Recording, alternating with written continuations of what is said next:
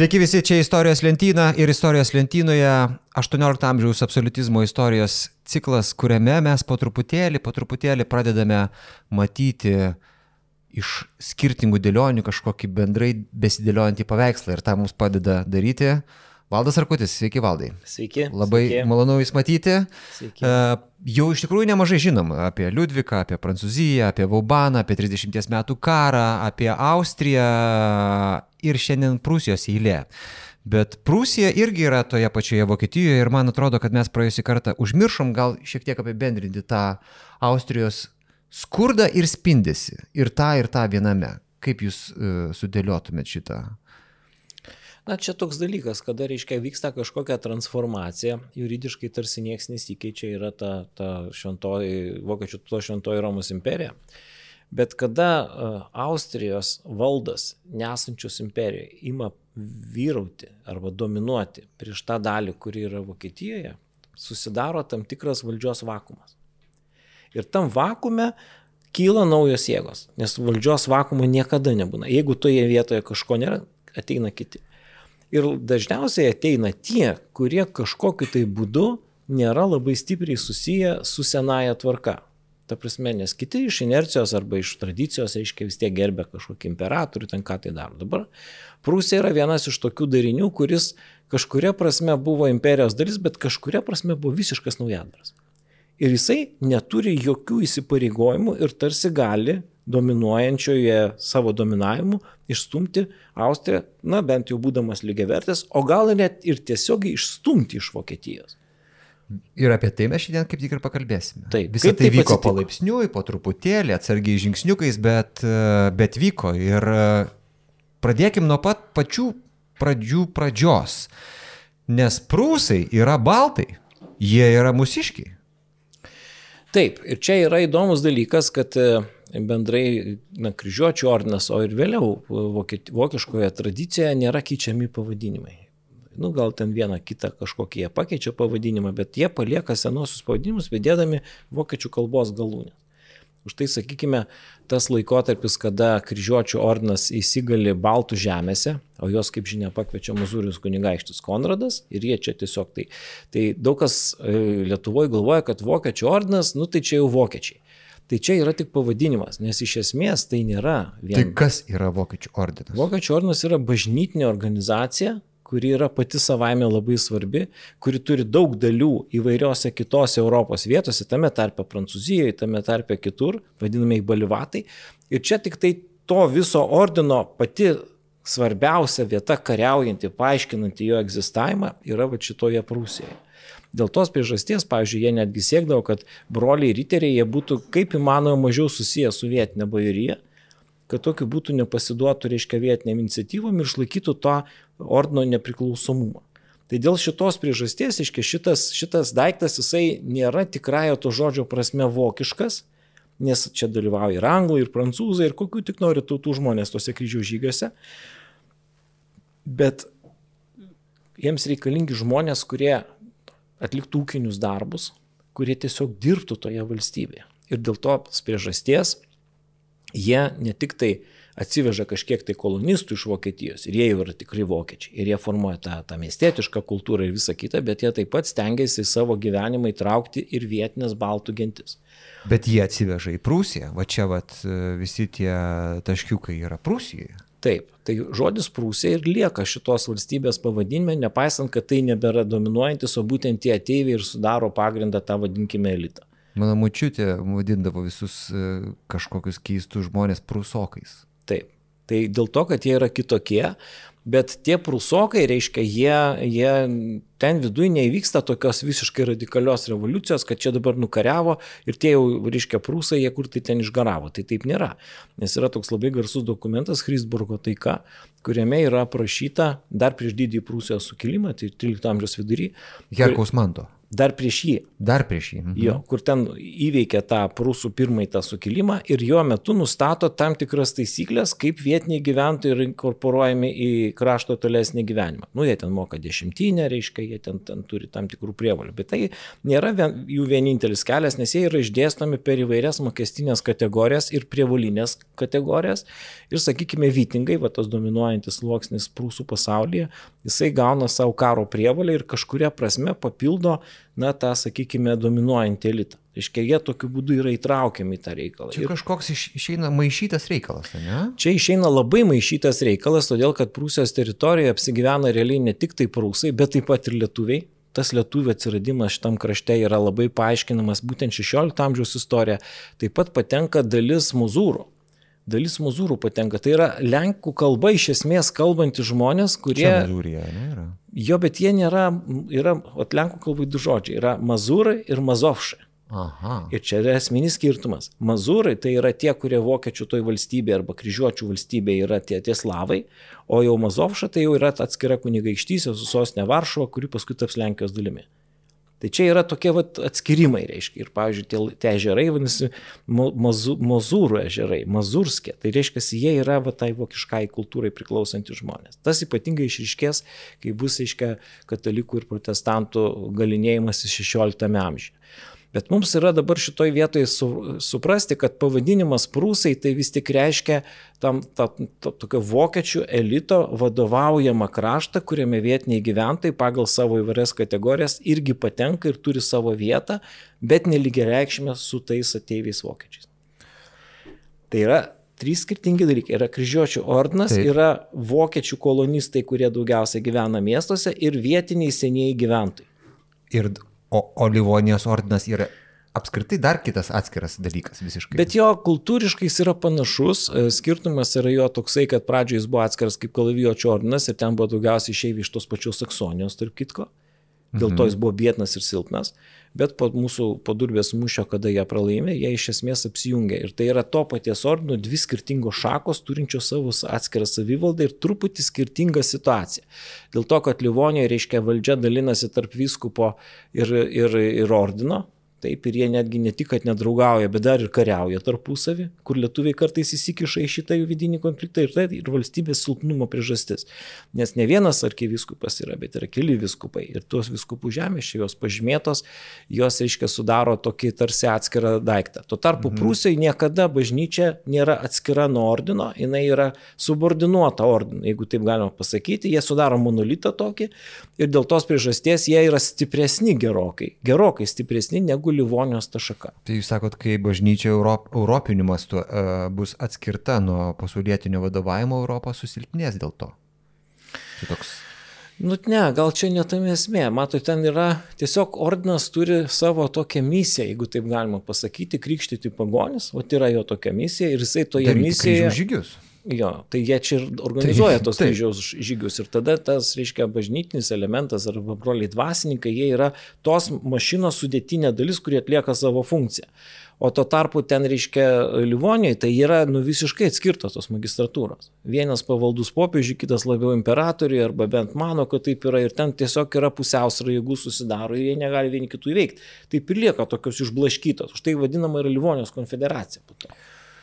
Bet čia valdai, žinokit, e, nu aišku, mes e, norėtumėm apie Prūsiją, bet apie Lietuvą negalim nepakalbėti, nes čia yra ta sankryža, e, kurioje atsiranda ir Lietuvos didžiosios kunigaikštystės pradžia. Arba bent jau taip istorijos vadovėlį rašo, man visą laiką kažkaip čia į galvą kyla Piteris Turčinas, yra toksai tyrinėtojas, jisai bando ten atrasti istorijos pasikartojimus, kažkokius paternus ir mechanizmus, kurie veikia, tai jisai sako, kad E, vakarų Europoje, ypač ten su sąlyčiu, su islamo pasauliu, valstybės atsirado anksčiau dėl to, kad buvo kas jas norėtų užgrobti. Tasme, buvo didelis spaudimas iš išorės ir ten susikūrė valstybės. Mūsų krašte viskas dar ten, e, tai va čia iki 13 amžiaus, dar 500 metų pakankamai ramu, nėra didelių darinių. Ir tada atsiranda kryžiuočių ordinas, ir atsiranda uh, Lietuva, kuri su tuo kryžiuočio ordinu kovoja. Sukovoja prie Saulės, sukovoja prie Durbės ir atsiranda kažkokia nauja Lietuva. Jūs sakote, kad tai yra net ne Lietuvos atsiradimas, o kažkoks naujas Lietuvos etapas. Bet Be jokios jis... abejonės.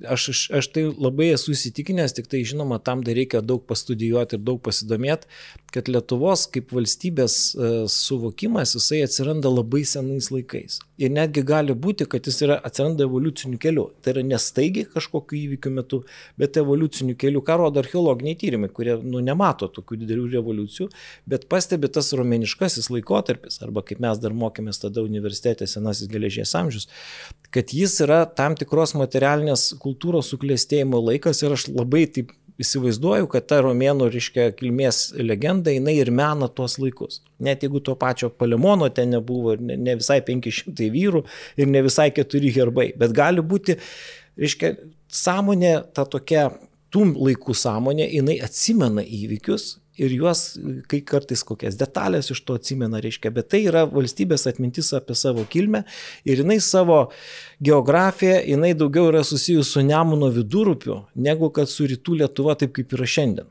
Tiesiog kryžiuočio ekspansija 1284 metais tiesiogiai sumogusi į tą prie Nemuno esantį brandolį privertė centrus keltis į rytus, taip atsiranda Kernavė, taip atsiranda Trakai, taip atsiranda Vilnius. Ir tai yra 13 amžiaus antra pusė. Vat mes galim tiesiog matyti, kaip tas vyksta. Kryžiuočio spaudimas sukuria, uh, sukuria valstybę mūsų. Nu, Ta, ne, kuri... Nesukuria, jinai tada tiesiog persimaino. Jinai kaip, vat, kaip ir mes dabar gyvenam taikiam pasauliu ir dabar kalbam apie tai, kad ko gero mums teks tapti labiau militaristišką organizaciją, tiesiog mes neturim kitos išeities. Taip, Dėl juos... to, kad gyvenam ant civilizacinio pakraščio. Taip, mes arba apsiginam, arba mūsų valgo. Ir kada yra tokie pasirinkimai, tada natūraliai pradeda stiprėti valstybės raumenys, dantis, ragai, nagai, na visas, kas, kas, kas ją leidžia išlikti. Tai net tie žmonės išgyvena labai didelę krizę, bet tampa stipresni. Ir tas tapimas stipresniu paskui prisideda prie Lietuvos valstybės plėtros rytus, todėl kad mes tampame labai rimti konkurentai. Ir nors, sakykime, tas mūsų plėtra į rytus jau yra nuo 13 amžiaus, o gal net 12 pabaigos, pagal, pagal pašutos ir kitų, reiškia, tyriejų tą, tą mūsų kariaunų, reiškia, judesi tą pusę. Bet tai yra susiję, reiškia, mes su kryžiuočiais išmokstam, mokstam, išmokstam kariauti ir tada mūsų gebėjimai persikelia į rytus. Išmokstam tarpusavį bendradarbiauti. Nu jo, nu tada stiprėja centralizuota valdžia, nes kitaip ne, nesuvaldysi visų visko ir, ir iš čia ateina stipresnė valstybė. Bet pagrindinė valda jūsų mintis, apie kurią šiandien nepakalbėsim, man vis tiek yra ta, kad Lietuva prasideda e, ne nuo rašytinių dokumentų ir ne nuo tos vietos, kuri, kuri yra laikoma pradžia istorijos vadovėliuose, o gerokai anksčiau. Nu taip, nes to labiau, kad reiškia, yra toksai dalykas, kad mes labai selektyviai atrenkam rašytinius šaltinius. Juk, pavyzdžiui, visą laiką tą užduodė tokį klausimą, kas yra Lietuvos sostinė pagal pirmoji sostinė pagal rašytinius šaltinius. Ir čia gali bet kokį istorijos mokytas paguldyti šitoje vietoje, nes atsakymas yra seredžius. Nes pagal rašytinę istoriją, pagal Bychovso kroniką, pagal Strikovskį. Aš ne mokytojas, bet atsigulu jau lygioje vietoje jau dabar. Jo, čia. pagal tą patį, reiškia, Vijuką Kojelavičių. Pradžia yra, kada, kada Palemonas atsikelia su tais 500 vyrų ir ten, kur Dubysa įteka į Nemuną, pasistato savo pilį. Nu, tai aiškiai prašyti. Tai kaip galima ignoruoti tokius dalykus? Net jeigu detalėse yra kažkokių ten netitikimų arba ten yra kažkokių sureikšmim kokių tai detalių, bet geografinis nusakymas šitos vietos yra labai esminis. Ten, kur dubys įteka. Dėl ko? Dėl to, kad reiškia, būtent šitoje vietoje didžiosios Lietuvos upės suteka pakankamai netoli viena kitos į Nemuną. Mhm. Ir jeigu tu čia turi centrinę, tu bet kur gali vandeniu pasiekti. Visą realiai Lietuvą. Vat Lietuva. Strateginis pasirinkimas. Iš esmės Lietuva yra Nemuno baseinas. O jeigu taip pasižiūrėjus, reiškia, nu, nes baseinas, tai reiškia, tu bet kurio upėm upeliais gali plaukti. Čia, čia vat, geografija ir istorija, kada pradeda žentis iškeptai tuos dalykus. Bet jeigu dabar mes grįžkim vis tiek prie, prie Prūsijos, nes mes kitaip, reiškia, ne, nesuvesim mm. galų. Tai aišku, kad ta Prūsija ir Livonė, jos nu, natūraliai yra atskirtos viena nuo kitos. Jeigu keliauti sausumą, tai yra bėda ir problema. Visų pirma, kelias vyksta kuršių nerė, reiškia, ir čia paliai, paliai, paliai jūrą. Jūra. Mhm. Nu ir natūralu, kad jie nori tos dalykus apjungti. Kitas dalykas, reiškia, kuo daugiau užvaldai upių ir jų žiočių, tuo labiau pririši tą kraštą. Tai kryžiuočio ordinas yra ta valstybė, kuri iš esmės visą pajūrį kontroliuoja. Tai yra labai natūralus valstybės. Aš nemanau, kad jie labai toli dar labiau rytus norėjo. Jiem to užtenka, nes jie čia gali kontroliuoti priekybą, jie realiai tą visą kitą vidinį kraštą paverčia jiem naudos teikėjais, žaliavų teikėjais, aiškiai, ir jie tada gali gyventi. Ir klaipėdai pilį pastato. Tai Klaipėdo pilį dar Livonijos ordinas stato, reiškia, jie tuo metu turi, jie, jie, jų kas, kas yra 1252 metai. Nu, taigi Mindaugai mes įvertinkime. Tai Klaipėda kas... yra seniausias Lietuvos uh, miestas. Nu, kiek ten miestas, kiek pilis, čia reiktų žiūrėti, bet, bet faktas yra tas, kad Mindaugas iš tikrųjų užrašo didelę dalį Lietuvos šitiems krikšto metu. Tai čia iš kodėl. Ir jie tiesiog toj pažadėtoj žemėje jau jie ten stato savo, savo įtvirtinimus ir, ir leidžia šaknis, kaip sakant. Bet Livonijos ordinas po durbės mūšio jisai, jisai realiai ne, nebeišlaiko savo darbų. Durbės mūšis yra kertinis. Yra ordino pabaiga. Tai kaip sakyt, nu tas, tas pabaiga, nu tos tokios formos, jie po to, reiškia, tam, tampa kitokie. Nu tai iš saulės ir durbės mūšiai, čia būdų jie yra Taip. labai esminiai bet realiai reiškia dominavimas perina kryžiuočiams, Prūsijos kryžiuočiams. Ir va tie 1284 metai yra labai esminiai mūsų istorijoje, kada jie pradeda kryptingai mus, mus pulti, nes mes su tais šiaurės, šiaurės kaimynais susitvarkom yra jėgų pusiausvėra tam tikra, tai vieni tai kiti kažką tai daro, bet iš esmės, o tie mums yra pavojingi, nes jų yra tokia, reiškia, ekspansinė politika, kada jie užvaldo upių žiotis ir taip jis aukštyn, aukštyn, aukštyn, aukštyn ir tokiu būdu net tas kraštas tampa surištas. Kraštas, kuriame beveik nėra sausumos kelių. Aš, pavyzdžiui, matau, 13 amžiuje dar keliauja visi upėmis, jau 14 amžiuje sausumos keliais, aišku, upės lieka vis tiek labai svarbios. Tai čia toksai yra pokytis. Tai mums šitą ekspansiją, ką padaro, ten buvo truputėlį ankstesnė schema, kur tokie brūkšniukais pavaizduota, va, reiškia, mhm. tokia, va, kur yra žemaityje, matosi tokie brūkšniai, kas yra tyrai. Čia tyrai. Nieko nėra. Čia nėra. Ir vienoje ir kitoje pusėje sienos negyvena čia žmonės, tik atskiros pilis.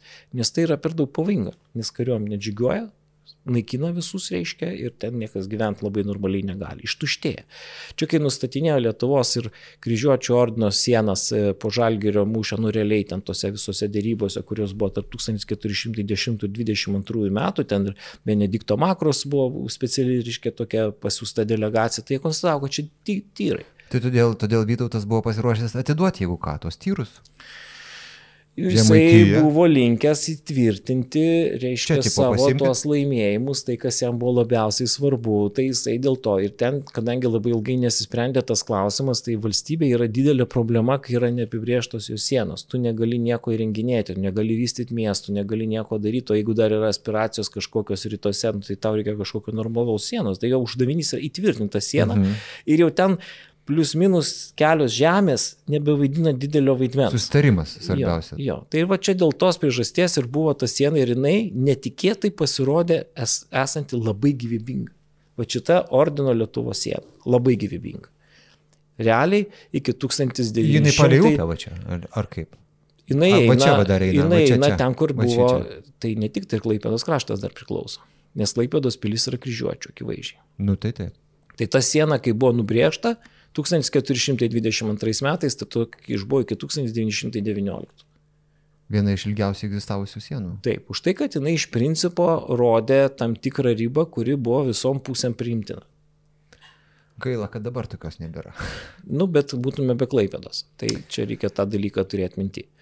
Tai Gerai, o tada mes staigiai pašokam truputėlį kokius čia porą šimtų metų į priekį, į 15 amžių, kada įvyksta uh, 13 metų karas, kuriame Tai čia vos keli, keli dešimtmečiai. Tiesą sakant, tai yra tiesinys to pačiu, tos, pačios, tos pačios veiklos. Nes žalgerio mūšis pakerta Jeigu ekonominius pagrindus. Taip, taip. Ir kas pasidaro, reiškia, padgilėja kryžiuočio ordinas finansinė labai turi labai didelius nuostolius ir tai pagilina jo vidinius prieštaravimus. O kokie yra tie prieštaravimai? O tarp ordino ir vokiečių. Pagrindinis prieštaravimas. Kodėl? Todėl, kad ordinas jisai iš esmės susima keistus, keistais dalykais. Kažkokius krikštė pagonis, jisai užsima, reiškia, kažkokiais tai ten, na, dvasiniais dalykais. Jis yra tokia, jeigu taip galim pasakyti, kosmopolitinė organizacija, nu, kuri iš to žemė čia suklestėjo, bet kada jiems reikia tų darbo jėgos, ten kolonistų, miestiečių ir visų kitų, ir kai jie sustiprėja tie miestai, jie sako, vėlniau mums tą ordiną. Jis mums trukdo, jis mums nereikalingas, mes be jo galim gyventi. Nu, koks mums skirtumas? Mums gal geriau prisijungti, pavyzdžiui, prie Lenkijos. Tai tada Lenkija vis tiek plukdys Vyslą visus, visus, visas gerybės, vis tiek čia, kaip sakant, prie senelių prilips įvairūs turtai ir mes gyvensim. Jų geografinė padėtis yra nereali. Torunės ir Gdansko miestai arba Dancigo miestai, kaip vokiškai jisai vadinasi jo. Taigi jie čia yra ant aukso gyslas. Per juos vyksta visa priekyba. Ir tokiu būdu, reiškia, jie beveik linkę yra vėliau pasiūsti ordiną įvyksta karas, viduj karas tarp Rusijos miestų ir kryžiuočio ordino. Nu tai kaip neįsikiši tokį karą? Kazimieras čia įsikišo. Čia Kazimieras jo Ir, įsikišo. ir dėl to Kazimieras, kad laimi šitą didelį ir skanų kasnį, Lenkijos istoriografijoje yra laikomas dideliu karaliumi, o Lietuvoje jis kaip ir e, karalius, Na, tai- kuris išvažiavo ir nebegrįžo. Ir ne tik tai čia jo didžiausias nuopelnas, Lenkai taip garsiai nešneka, bet labai gerai, kad Kazimiero laikais Lietuva lieka, kaip jie supranta, po Lenkiją arba prie Lenkijos. Nes reikia atsiminti, kadgi buvo laikotarpis, kada buvo Žygimantas Kestutaitis arba tiksliau dar prieš tai Švitrigaila, kurie bandė atsiskirti nuo Lenkijos. O čia reiškia Kazimieras kaip ir išlaiko tą provinciją ir jie supranta, kad dabar jinai Čia atskira. iš vis kažkoks Lenkų buvo uh, kozerinis įėjimas, tas Kazimiero. Kazimieras jau buvo mūsų, jau Kazimierą mes buvom tarsi pasiemę, kai žūsta jo brolis Jo. uh, Varnietis, ar ne? Jo. Tada Lenkai kažkaip parsikrapštų jį atgal ir tada laimi viską, ir karalių, ir, ir, ir Lietuvos tokį Už tai ir susidaro tokia paradoksali situacija, kad Lietuvoje valdžia yra paveldima ir pas mus valdovas paveldė arba jo sunus paveldė sostą, o tada Lenkai tiesiog jį patvirtina ir Lenkijos karalių. Nes jie suvokia, kad tai yra jų užgrobta žemė. Nu, neužgrobta, užimta, prijungta, nesvarbu, čia šiuo atveju negriežta formuluotė, kadangi, nu, niekaip Lenkija ir Lietuva tiek skirtingos šalis, kad fiziškai, nu, Lietuva didesnė gerokai už Lenkiją tuo metu. Jau vien dėl to neįmanoma čia visko taip labai greit padaryti, nu, bet vis tiek juda į teisingą pusę. Ir jie taip suprato. Bet kur yra problema, reiškia, kad Kazimieras labiau tada stengiasi dėl Lenkijos, o jam Lietuva yra reikalinga tik tai tam, kad jo vaikai paveldėtų sostą. Tai yra toksai dinastinio intereso užtikrinimas. Nu ir pamedžiot. Vaikų tai daug turėjo. Nu tai va, tai tas gavosi ir, ir tada Kazimiero iniciatyvų Lietuvoje yra labai mažai. Nu ką jis ten, Kazimieras teisiną išleidžia, reiškia, jisai čia atvyksta, bet tiesą sakant, reiškia, kad jau ten, taip kaip Lietuva ten kovėsi, plėtėsi ir viską darė rytuose, pietuose ar, ar vakaruose, reiškia, jinai kaip ir užmiega. Taip, Jinai taip. kaip užmiega, o Kazimiero interesas nueina taip toli į, į, į Vengrijos ir Čekijos sostus, kad tiesą sakant, ten kažkokie Maskvos pasienio problemos, tai čia tokios, nu, tokios nelabai ten kažkokie totoriai, tai gal Ir susitars. Naugardas pramegotas. Čia atskira istorija. atskira Čia atskira istorija. istorija, bet jis gauna, Jis e, gauna- už e, puikų pasirodymą 13 metų kare, gauna šitą e, skanų kasnį, kuris... kuri pasivadina karališkoji Prūsija. Tai dabar yra kunigaikštiškoji Prūsija, o šita vat, ne? Jinai šita yra Šita. va, tas, ta, Be ta, varmijos. ta varmė yra taip įdėta, kad jie niekur nesidėtų. Kas ją įdėjo? Nu taigi, kai braižė tas teritorijas, aišku, čia miestai turėjo įtakos, bet čia bažnytinė tokia žemė padarė, tokiu būdu, kad, nu, paralyžuotų, kad ta, ta, ta, ta likusi kryžiuočio, čia dar kryžiuočio ordinas, kryžiuočio ordinas, jisai principė jau negalėtų kelti jokio pavojaus, nes jisai viduje turi tokį įvarytą trojos arklį, va, jeigu taip Okay. galima sakyti. Ir, ir kas atsitinka, reiškia, jie e, ieško, kaip jiems čia išeiti, kaip jie čia gali pagerinti savo situaciją, nes kryžiuočio ordinas taigi dar turi Europoje didžiulės valdas. Ta prasme, jos niekur nedingo, taigi ir prancūzijos balivatai, ir ten visi kiti, tai jie ten turi. Bet jiems yra didžiausia problema tame, kad jie nebegali kariauti su pagonim, tada neaišku, kam jie reikalingi. Reiškia, organizacija praranda savo paskirtį iš esmės ir tai yra jos mirties nuosprendis. Lietuvių krikštas. E, e, Lenkų krikštas yra jums problema. Taip, Lietuvos krikštas jiems yra esminė problema ir jie ten ieško visokių variantų, gal surast kitą kažkokią ten su totoriais kariauti ir dar ką nors, bet iš esmės neįsprendžia to klausimo ir tada tasai ordinas nustoja plėstis. Tada jisai, na kaip sakyti, praranda savo tokią karinę labai didelę galę ir natūraliai tas priveda jau pradžioje 16 amžiaus prie to, kad šita valstybė yra galutinai prijungiama prie Lenkijos, bet jie išsidera savo geras sąlygas. Kokios tos sąlygos? Lenkiškas žodis Holt Prus, kitaip jisai vadinasi, kada reiškia jau ir kunigaikštiškoji Prūsija prisijungia tarsi prie Lenkijos, bet e, ten toks įdomus dalykas reiškia, jeigu mes dar grįšim prie 13 metų karo, reiškia, tam tikrą prasme šitą žemėlapį padiktuoja ne Lenkijos ir kryžiuočių ordino tarpusavį tarimasis, o pačių prūsiškų žemių simpatijos arba antipatijos. Ir pasirodo, kad ta Prūsijos dalis, kuri yra mūsų pasienyje, yra motivuota išlikti kryžiuočio ordine. Šį čia. Mhm. Jo, jie nepalaiko tų miestų, ten išmeta vėlnio bet kokius bandymus ir išlieka ištikima, sakykime, kryžiuočio ordinui, o ta vakarinė dalis, turtingoji dalis, jinai kaip tik ir labiausiai linkusi pri, priklausyti Lenkijai, nes jie supranta, kad Lenkijoje jie turės visiškas sąlygas vystytis, nes valstybė silpnesnė, negalės prispausti taip su mokesčiais ir jie ten suklestės. Toks jų modelis. Gdanskui arba Dancigo miestui apsimoka būti Lenkijai. Bet Lenkija gauna puikias startinės pozicijas. 15 amžiaus pabaiga ir tai Lenkija turi viską savo tai dar, rankose. Tai dar klausimą, kas čia daugiau ko laimi, kadangi tie miestai, jie turi tokią autonomiją, kad tiesą sakant, ten gali ir nelabai klausyti kažkokių valdovų. Jie yra suinteresuoti būti toje valstybėje. Nu, bet prekybos kelius tai laimi, per, bent jau plukdyti. Bet kur daugiau nusėda, ar valstybės išdė, ar nusėda tų miestų kasose, reiškia, na, išdė. Čia vat yra klausimas ir realiai laimi ir tie ir tie. Dėl to šita jungtis yra gera, nes kultūriškai šitas kraštas, ar tai būtų Torūnės miestas, ar tai būtų, būtų, būtų sakykime, Dancigo, Gdansko miestas, tai, tai yra vokiški miestai. Čia labai svarbus momentas, nes man atrodo, kad visas Prūsijos e, kelias yra kova su Lenkija. Kova, kova šitame regione būtent su Lenkija, nes Lenkija šią akimirką yra didesnė, yra stipresnė. Ir, ir yra varžovė, su kuria reikia skaitytis. Ne? Bet aš, pavyzdžiui, kartais pažiūriu iš Prūsijos miesto pozicijos, Turūniai, pavyzdžiui, yra toksai įdomus dalykas, kad, kad reiškia, Kryžiuočio ordinas tiek nesutarė su miestu, kad turėjo pastatyti naują torūnę, naują miestą, kuris remtų ordiną. Ir finalė, reiškia, jie sugriauja tą pilį ir ten yra užrašytas toksai testamentas niekada jos nestatyti. Ir dabar problema, turizmui reikia tos pilies, bet, nu, taip užrašyta, niekada nestatyti. Jo. Tai va, tai čia yra tokie dalykai. Tam tikra prasme rinkosi ne tiek Lenkija, kiek rinkosi patys miestai. Jiems Lenkijai priklausyti apsimokėjo, nes tai buvo galio šaltinis tam tikrą prasme Klaipėdai reikia būti Lietuvoje, nes jie tada iš tikrųjų garantuoja, kad per Nemuną vyksta priekybos keliai ir ten nusėda procentai kažkokie.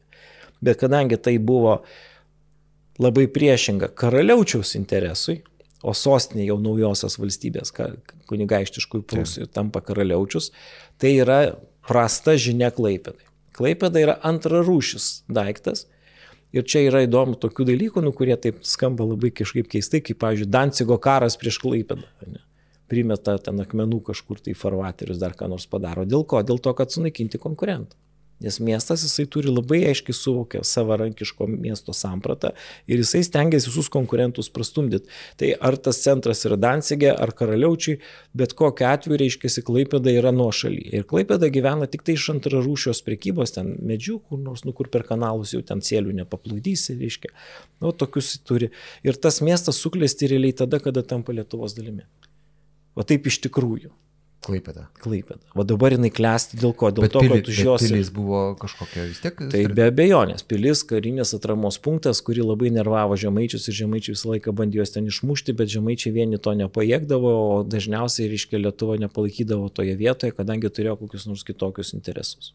Dabar reikėtų pereiti mums į, į reformacijos laikotarpį. Tai labai svarbus įvykiai. Aš nežinau, ar reformaciją turiu, tik tai čia dar. Tai gal dar pagrįžtam prie ankstesnio, ankstesnio reiškia to. Nors buvo reformacija, čia, va čia va. Mhm. Šitą. Ir... Ja, reikalas tas, kad reiškia 16 amžiui e, Albertas, e, paskutinis kryžiuočio ordino magistras, jisai, reiškia, su, įžiūri savo galimybę paversti šitą jau kunigaištiškus prūsus, paversti tokią, na, pasaulietinę kunigaištystę jis mato tame didelę perspektyvą, jisai galvoja, kad būtent protestantų tikėjimas, kuriame kunigaikščio e, religija tampa krašto religija, reiškia, jisai sustiprintų labai savo realią valdžią.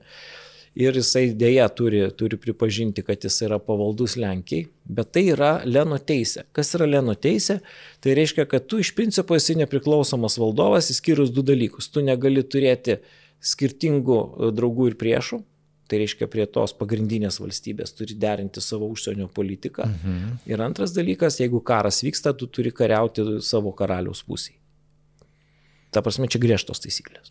Taip, bet čia, e, pažiūrėjau, jeigu palyginti tą e, su kokiais nors e, Ukrainos kazokais, kurie tarsi tokie pat sutartį turėjo su Rusija, bet Rusija norėjo iš jų daugiau ne? Nu, kol buvo jiem galimybė perbėgti kitą pusę Dniepro, tai jie dar visai ten neblogai laikėsi, reiškia, bet kada po trečio padalinimo mūsų neliko, tai ir jų ta, ta, ta autonomija pasibaigė.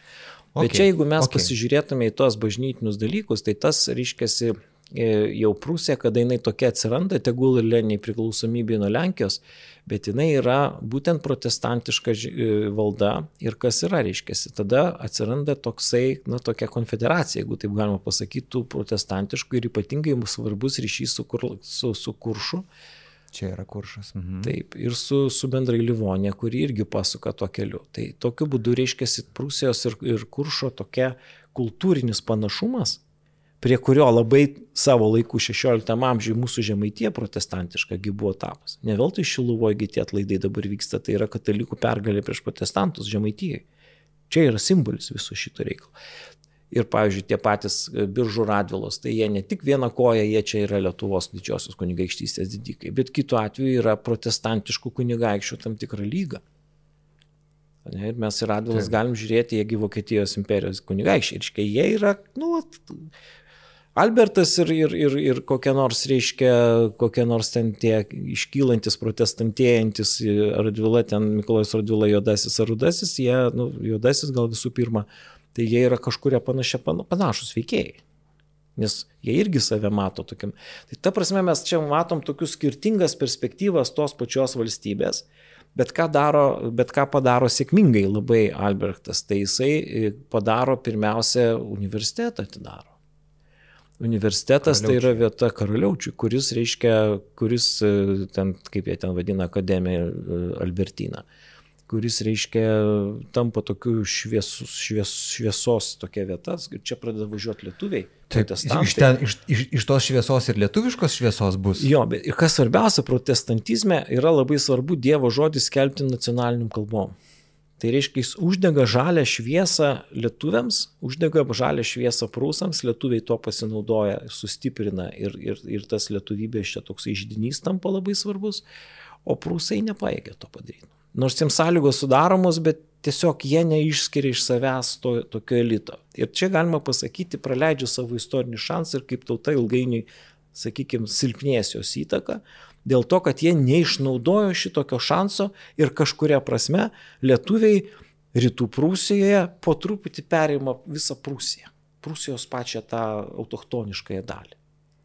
O mes išnaudojam ir man dabar tokia kilo mintis, kad gal tą išnaudojimą nuvertinam kažkaip, žiūrim e, kažkaip tai į tą lietuvybę ir jos pagrindus iš to 18 metų startinės kažkokios pozicijos, kurioje, kurioje tos mažosios Lietuvos netiek daug, kiek jos turėtų būti. Nu, jos yra tiek, kiek yra, nes reikia suprasti, kad vyksta įvairūs, e, na, tokie asimiliaciniai procesai kažkuria prasme. Ypatingai tai greitai paveikia aukštutinį sluoksnį, o tos vytingus, kurie gan greit suvokietėja, ta prasme. Bet kas įdomu, kas jų pavardės lieka. Reiškia, su baltiškom šaknim, jos dar gali ilgai matyti, nors jie nieko bendro jau nebeturi. Ir, ir, ir nu, aš visą laiką, kai matau Guderait dviračius, ne, nu, tai čia lietuviškai, nu, baltiška pavardė. Labai akivaizdžiai su, su, su, su, su dvibalsiais, kur, kur aiškiai rodo. Bet grįžkime vėl prie to dalyko. Tai vienu žodžiu, kas atsitinka? Kas atsitinka? Kad reiškia šitas kunigaikštis, kuris rūpinasi žmonėmis ir jų nacionalinę kultūrą, nes tą patį reikia pasakyti ir apie muzūrus, jie irgi taip pat gali vystyti savo kultūrą, jisai užmesga naujo tipo civilizaciją šitoje vietoje, skirtingai nuo kryžiuočio ordino, kuris buvo svetimas ir toksai kosmopolitinė tokia jėga, jisai užmesga net nepaprastai stiprų ryšį ir tas valdovas yra pripažįstamas visų čia gyvenančių tautų kaip tas. Ir čia atsiranda ta tokia ypatinga mažosios Lietuvos kultūra, tai yra valdovo ryšys su tauta. Geras. Čia yra iš tikrųjų stiprus dalykas ir jie turi asmeninius tokius santykius, net jeigu tai vis tiek vokiečiai turi ten pagal teisę geresnės sąlygas negu, negu lietuviai, tarkime, ar kas nors, bet vis tiek yra tas ryšys, kultūriškai tai yra svarbu. Ir ta valstybė, jinai gaunasi net ir neturėdama oficialaus statuso pakankamai stipri savo vidumi, nors ir labai ribota savo resursais. Labai ribota resursais. Ir, pavyzdžiui, ten, kai Klipėdos teko tyrinėti šiek tiek pilies, ten statybas, jie, nu, nu neturi tų jėgų, dieve, kiek čia tos Prūsijos. Bet, pavyzdžiui, bus uh, Liudviko kova prieš protestantus, hugenotus Prancūzijoje ir ten keliasdešimt tūkstančių į Prūsiją, pavyzdžiui. Nu, Kodėlgi ne? Ten Kodėl jie ne? labai laukiami, ten trūksta žmonių, ten yra dar, vis dar daug miškų, daug tokių yra tyrų ir kiekvieni tie kolonistai atsikėlė, jie gamina naują, naują galimybę. Žmonės yra reikalingi tuo metu, gerbiami ir tai va. Bet mes dabar, e, valdai, e, sustojame prie 1618 metų, kai Prūsija e, tampa jau nebe tik Prūsija. Kai Prūsijoje nebelieka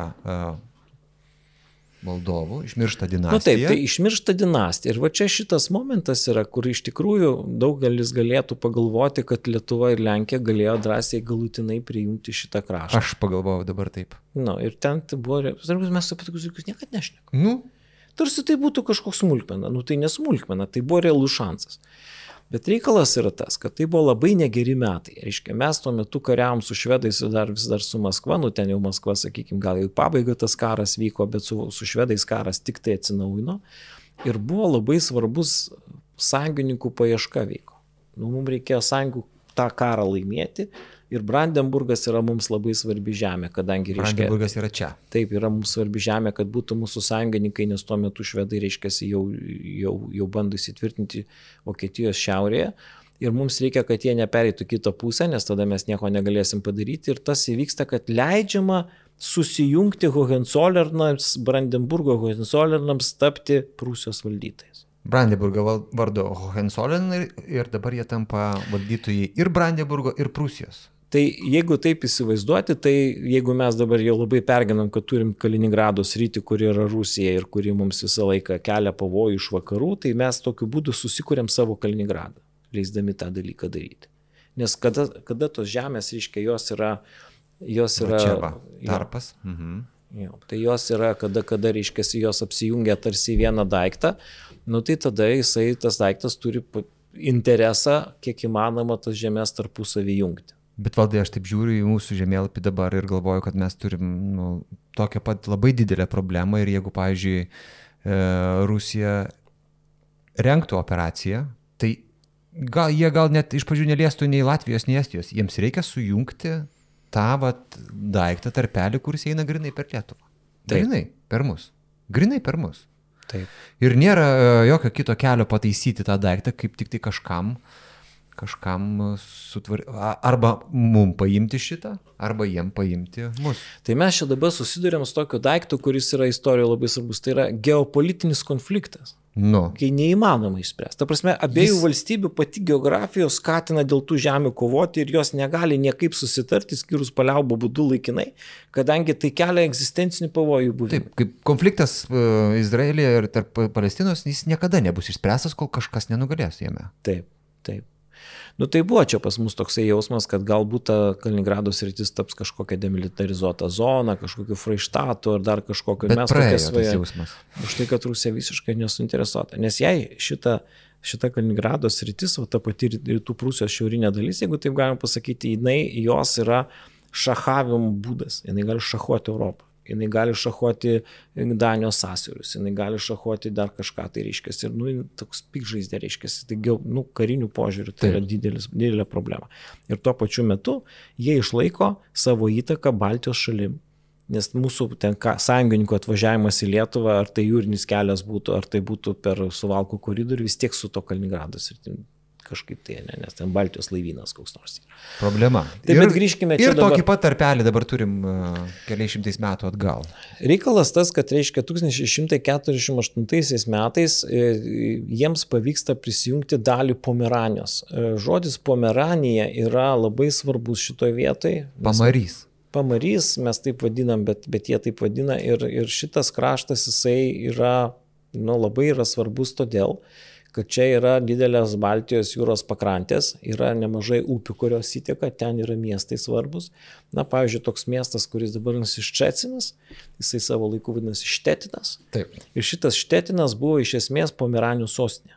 Tai ta prasme jisai, jisai yra toks nusvarbus ir ta valstybė, jinai tada tampa, nu, tokio turinti potencialo. Kita vertus, dar priklauso šitai, šitai reiškia, nu, šitam dariniui, kaip jeigu taip galima pasakyti, kuris nėra sujungiamas į vieną aiškiai valstybę, bet yra tiesiog vieno valdovo valdomi kraštai. Tai yra Ravensburgas, Marka, Magdeburgas ir, ta, ir Kleve. Mat- Matom čia metus, at kada kas ką jie čia spėja prisijungti. Tokiu būdu, reiškia, jau Vokietijos žemėse jie įgauna tokios e, daugelį valdų jungiančios, e, reiškia, kažkokios struktūros jų sudėtinė dalimi kuri gali būti reikalo esant mobilizuota tam tikram dalykui. Tik reikia visą laiką žinoti, kad viena tokia atskira sala yra galimybė ir yra problema, nes reikia kaip tai apginti. Taip. Tai reiškia, gali būti taip, kad kažkokia tai provincija yra daugiau kainuoja, negu teikia naudos. Kai esi stiprus, tai yra galimybė, kai esi toks truputėlį silpnesnis, tai yra problema. Taip, ir tokiu būdu, reiškia, šitos valstybės valdymas yra sudėtingas, jeigu reikia kariuomeniai peržygioti, tai visą laiką reikia tarpinių valdų gauti leidimą praeiti ir dar susimokėti dažniausiai už tą praeimą. Kitaip sakant, tokia forma valstybės yra, na, yra problematiška. Ir... Bet jie va čia taip po gabaliuką lipdo. Buvo, buvo tik tai čia. Tada susijungė su Brandeburgu.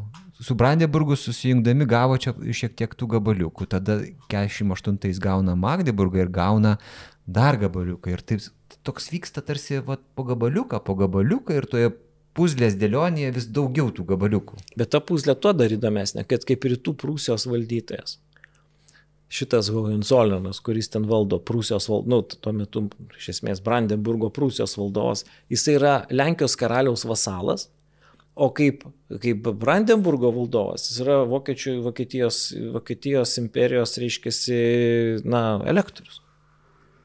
O čia yra... Taip, įdomus, kadangi imperatorius vienas, po to, kai jis bus karalius, pasivadins save karalius apie, karalys, apie karalystę čia nu, mes pakalbėsim, Tuoj. bet reiškia, mhm. va šitam laikotarpį dar iki tos karalystės mes jau matome, kaip jinai didėja ta jėga ir mes čia turėtume dabar pereiti, nagi mes, kiek aš atsimenu, apie absolutizmą šnekam. Taip, mes Kas, daug ką norim pakalbėti. Kaip mhm. jis ten tas absolutizmas startuoja. Ir čia mums labai svarbus dalykas yra didysis elektorius. Didysis elektorius. Friedrichas Wilhelmas Taip, šitas žmogus gyvena šiaip jau labai neramiais laikais, nes jeigu mes žinome, kad mūsų arba didysis kurfiurstas jo, kartais dar vadinamas, e, nu jo. Tai... Kurfiurstas ir yra elektorius, angliškas tas toks e, jo. latiniškas pavadinimas, ne? Elektor. Yra. Nu tai taip. Tai kita vertus, reiškia, šitas žmogus dalyvauja labai sudėtingais laikais Nes jeigu mes atsižvelgsime, kad nuo 1648 metų prasideda mūsų tvano laikotarpis karai su kazokais, o paskui reiškia su švedai, su rusai, tai yra didžiausia dobė mūsų istorijai, tai būtent jisai vadovauja Prūsijai ir jisai patenka į šitos karus labai tiesiogiai. Ta prasme, jisai patenka labai rimtai, kadangi tas karas, kurį mes žinome kaip mūsų nacionalinis, jis dar vadinamas yra Šiaurės karu, ne didžioji šiaurės karu, bet šiaurės karu, jisai taip yra vadinamas, ir jisai apima daug valstybių. Danus, švedus, reiškia, ten įsitraukia Niderlandų laivynas, Britų laivynas ten plaukia, reiškia, ten Lenkų e, padalinys, Lenkijos kariuomenės padalinys vaduoja Daniją nuo švedų. Nu, ten tokia... Ne, bet jie tenais neblogai sukariavo prūsį tame kare, tik tai Liudvikas po to, kadangi buvo švedų sąjungininkas, kaip didesnis liepė viską gražinti ir sėdėti tyliai jiems, ne? Jo, bet Prūsija, reiškia, jinai, sakykime, pataiko, nes jie turi didelę pagundą pereiti į švedų pusę, reiškia, bet jie ten tipo negali, nes yra tokia tvarka, tvarka reiškia, tai vėlgi Brandenburgas tarsi vienoje pusėje, Prūsija vėl tarsi kitoje pusėje. Bet čia reiškia visoje šitoje makaliniai jisai sugeba sustiprinti savo kariuomenę, ją rimtai patvarkyti. Tuo metu, tarp kitko, nebuvo labai didelės kariuomenės. Tos kariuomenės būdavo kelių tūkstančių žmonių apimties, nu dešimties maksimum, ten 18 jau čia riba būtų, ne kažkokia, reiškia. Ir su savo ta nedidelė dar santykinai ten kariuomenė, keliolikos tūkstančių žmonių, jisai sugeba visai neblogai sukariauti ir kada, reiškia, reikalas artėja jau prie, prie taikos, prie prie švedų karo pabaigos, Respublikos švedų, danų ten ir visų kitų. Šis jisai... 30 metų karo dalis, ne? Yra. Mm, nu tai, bet jis atskiriamas yra. Jisai okay. laikė, jisai atitinka, bet, bet Vyksta, ne, jisai kaip... po to, nes 48 metais Vestfalijos taika čia po to. Čia dar po to. Mhm. Čia po okay. to. Tai vienu žodžiu, čia šiaurės karas yra. Ir tam šiaurės kare jisai, reiškia, sugeba išsiderėti savo tam tikras nuolaidas, kad jau Prūsija nebepavaldi Respublikai. Va čia esminis dalykas. Bet su Lenkijai. sąlyga mhm. Lenkijai, Lenkijai, teisingai, nes čia tuo metu kaip Lenkija, ne kaip Respublika. Lietuva Prūsijos dalybose tarsi nedalyvavo. Ir tada, reiškia, jisai išsidera šitas taisyklės ir tokiu būdu šita Prūsijos dalis pabėga iš Respublikos. Bet tik tai kunigaikštiškiai prūsai. Karališkiai prūsai jie vis dar lieka Lenkijos. Mhm. Bet tiesa, reikia pasakyti irgi, kad karališkiai prūsai turi autonomiją, turi kai kurios dalykus išskirtinius. Jie nėra čia visiškai eilinė teritorija. Ta prasme, jinai turi tam tikrą, nu, nes kitaip jie pabėgtų kažkur. Tai reiškia, jie turi turėti naudą iš mūsų, iš buvimo mūsų sudėtyje. Mūsų, nu, to paties valdovo valdomom valdom. Gerai. Ir tai kažkuria prasme... Elektorius sukuria uh, kažkokį, kažkokią naujosios Prūsijos uh, pagrindos pradžią, ne? Taip, ir ta valstybė, čia kaip tik mes, kadangi turėjom po Vestfalijos taikos, kaip ta Vokietija vystosi, jinai tampa tokiu stipriu gravitaciniu centru. Mhm. Ir tada jinai išnaudoja. Uh, Bet čia dabar prasideda visas žavesys. Iškia reikalas tas, kad jo sonus Friedrichas III, jis dar Taip. ne joks ne pirmasis, tada trečiasis, jisai Taip. susirga prancūzų lyga. Prancūzų lyga. Žodis prancūzų lyga reiškia venerinės lygas. Čia reikėtų kažkas kartą pataisyti jo. Bet, taip. bet esmė yra kokia. Jisai susižavė. vadina tai italų lyga ten. Jo, jo gali Aha, būti. Taip, taip. Nu viskas nors kitas kaltas, tik ne mes. Tai jisai labai susižavė, reiškia, Prancūzijos pavyzdžių ir skiria dėmesį kultūrai, baliams, rūmų statymui ir visokiam tokiam dalykui. Natūraliai įkrenta į didžiulės skolas, nesugeba turėti subalansuoto to dalyko ir praktiškai yra priverstas už pinigus pardavinėti savo, savo valstybės interesus ir netgi kariuomenę nuomot, va taip realiai. Iškės. Čia toks yra keistas daiktas. Ir va tas, ta jo veikla tokia, toks, kaip sakant, išlaidos viršė pajamas ir, ir tu daraisi nieko, tu, tu nesi žaidėjas, tu esi jau kažkieno tai įtako zona ir taip toliau. Taip Prūsija buvo gerokai nusigyvenus. Mhm. Gražiai tuo metu atrodė, bet, bet nusigyvenus buvo. Ir tai paskatino, reiškia, e, jį iš esmės, e, nu, kaip sakyti, valstybės potencija sumažėjo, bet ką jam pavyksta padaryti, jam pavyksta pasiekti, kad jis sukuria naują karalystę. Ir va čia tas dvi, dvilipumas jam ir sužaidžia labai palankiai. Bet todėl... jis naują karalystę sukuria su imperatoriaus leidimu? Taip, už tai, kad imperatoriui reikia paramos, nes vyksta tas... Ispanijos vidinysis karas. karas jo. Bet kaip jisai sužaidžia šitoje vietoje? Kadangi Brandenburgas yra Vokietijos imperijos dalis, viskas aišku. O Prūsija? O Prūsija mhm. nepriklauso imperijai. Ir kadangi jinai nepriklauso imperijai, todėl galima Prūsijai sukurti naują tipo valstybę. Netgi karalystę. Netgi karalystę. Imperatoriui leidus, jisai sukuria naują karalystę ir ta karalystė, nebūdama iki galo visa Vokietijos imperijos sudėtinė dalimi, tampa labai svarbiu, svarbia korta e, toje pačioje imperijoje. Ir jis karūnuojasi ir vadinasi save karaliumi Prūsijoje. Ne Prūsijos karaliumi, o karaliumi Prūsijoje. Taip, taip. Jam svarbus titulas. Nes karalius yra aukščiau už kurfurstą. O čia yra gudrus dalykas, reiškia. Ir tu, tu kaip ir esi ir Brandenburgo, reiškia, tas kurfirstas, bet kita vertus tu esi jau karalius aukštesnio, aukštesnio laipsnio. Ir šitas dalykas, reiškia, tai yra jo didžiausias pasiekimas ir be abejonės tai yra svarbus žmogus. Nors pats kaip valdovas, kaip administratorius, kaip kariuomenės vadas, jisai gerokai prastesnis už, už Friedrichą Wilhelmą, reiškia, didį elektorių arba didelį kurfirsą. Bet prūsų kariuomenė iš tikrųjų krauju sumokės už tas visas politinės ambicijas ir viską, ką jisai čia sužaidė, jis išsikovos iš tikrųjų, nes jie tame Ispanijos įpėdinystės kare ten prie Malplakė buvo ten toks labai labai didelis mūšis, krūvinas ten, bet kiek, be, didžiulis kiekis žuvo ten tų prūsų, bet tai yra jų e, galimybė, kurioje jie pasirodė Europai, kad jie yra rimtas žaidėjas, kad jie moka kariauti, kad jie gali suvaidinti svarbų vaidmenį ir viskas, ką jisai čia susikūrė, jiems lieka pripažįstama, priskiriama, Utrechto taikoj surašomi e, visokiausi ten tie punktai ir Prūsija yra nu, toliau kylanti valstybė. Bet čia žinokit, šitoje vietoje reikėtų pažiūrėti, ką padarė Friedrichas, nu šiuo atveju aš jau vadinsiu pirmuoju kaip Rusijos karalius. Nes jis yra trečiasis e, kaip kurfirstas ir pirmasis kaip karalius. Taip.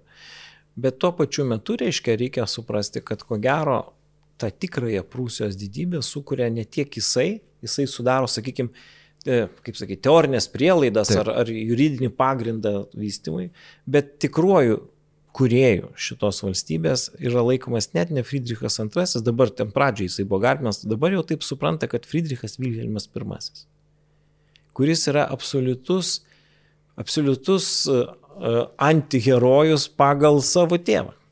Nu, pakurtas Friedrichas I yra. Nu, va, jisai čia tas žilas toks, nu, su, su peruku. Šitas. Jo.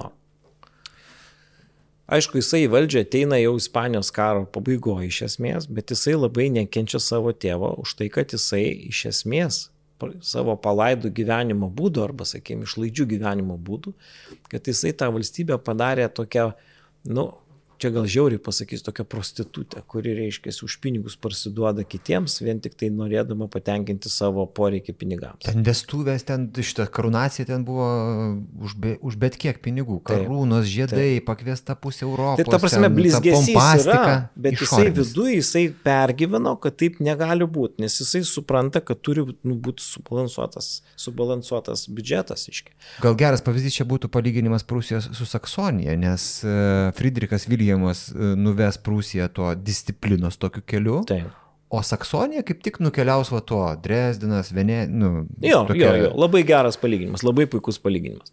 Tai va, bet reikia pradėti nuo to, kad, reiškia, nors jisai yra žinomas kaip karalius kapralas, karalius kareivis, nu visokių čia tų pavadinimų, reiškia, jam yra pritaikoma, e, jis iš tikrųjų, iš tikrųjų šitas žmogus, reiškia, jisai visų pirma domėjosi valstybės gale jam yra svarbus dalykas valstybės gale autoritetas, įtaka regionui.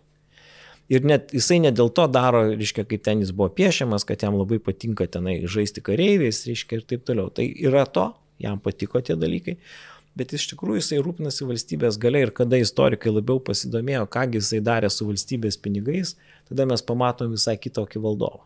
Visų pirma, jis turi sumažinti išlaidas. Pirmas dalykas, aiškiai, Tai ką jisai daro? Visa tai, kas valgo biudžetus, jisai atsisako. Pompastiškos balių.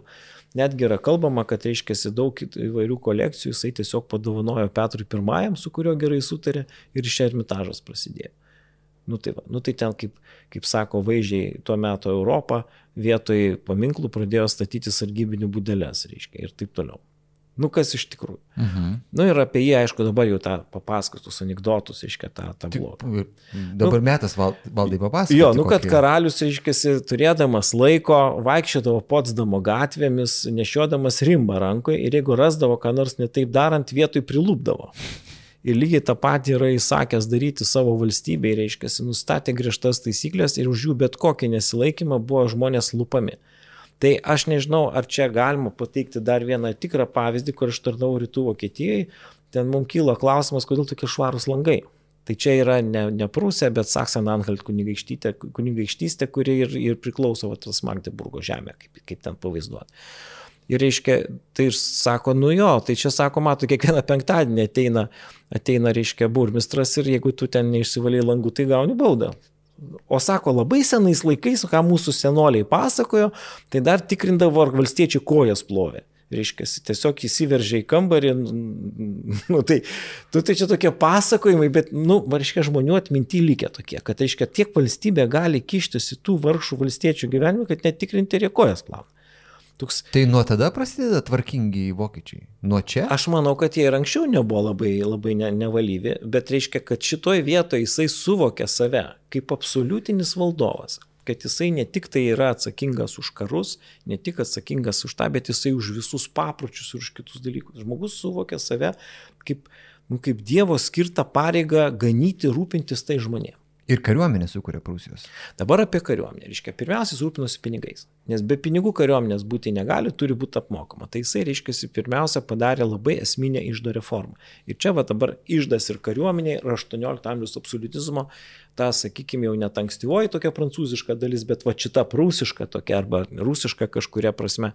Tai yra išdas ir kariuomenė. Nes jeigu nėra pinigų, nėra kariuomenės. Tai tu turi tą išdą padaryti. Tai ką jisai daro? Jisai pirmiausiai pertvarko valstybę panaikindamas institucijas, kurios buvo super nepriklausomos, nuo savivaldybių pareinančios, ten kažkokios lokalinės senas privilegijas turinčios ir jisai viską padarė tokią centralizuotą sistemą, sukurdamas tokias, e, na, vokiškai kamaren, e, reiškia tokias institucijas tokias kurios atsakingos už tam tikrą sritį ir tas vadinamas kartais kameralizmų reiškinys, kada valstybė sukuria ne kažkokius tai tokius senus daiktus, bet sukuria tokią centralizuotą valdymo sistemą, kurioje ten dar tik formavosi jinai ten, ten, bet pagrindė, ką jinai daro, jinai pradeda labai rimtai administruoti visą ūkį, sekti situaciją, žiūrėti, kur yra išlaidos, kaip jas sumažinti, kaip padidinti pajamas ir jam pavyksta tą padaryti. Ypatingai pirmiausiai jis įmasi domenų, tai yra ten, kur tiesiogiai valdovai priklausančius dalykus ir jisai yra visą laiką vaizduojamas kaip nuo ryto iki vakaro dirbantis.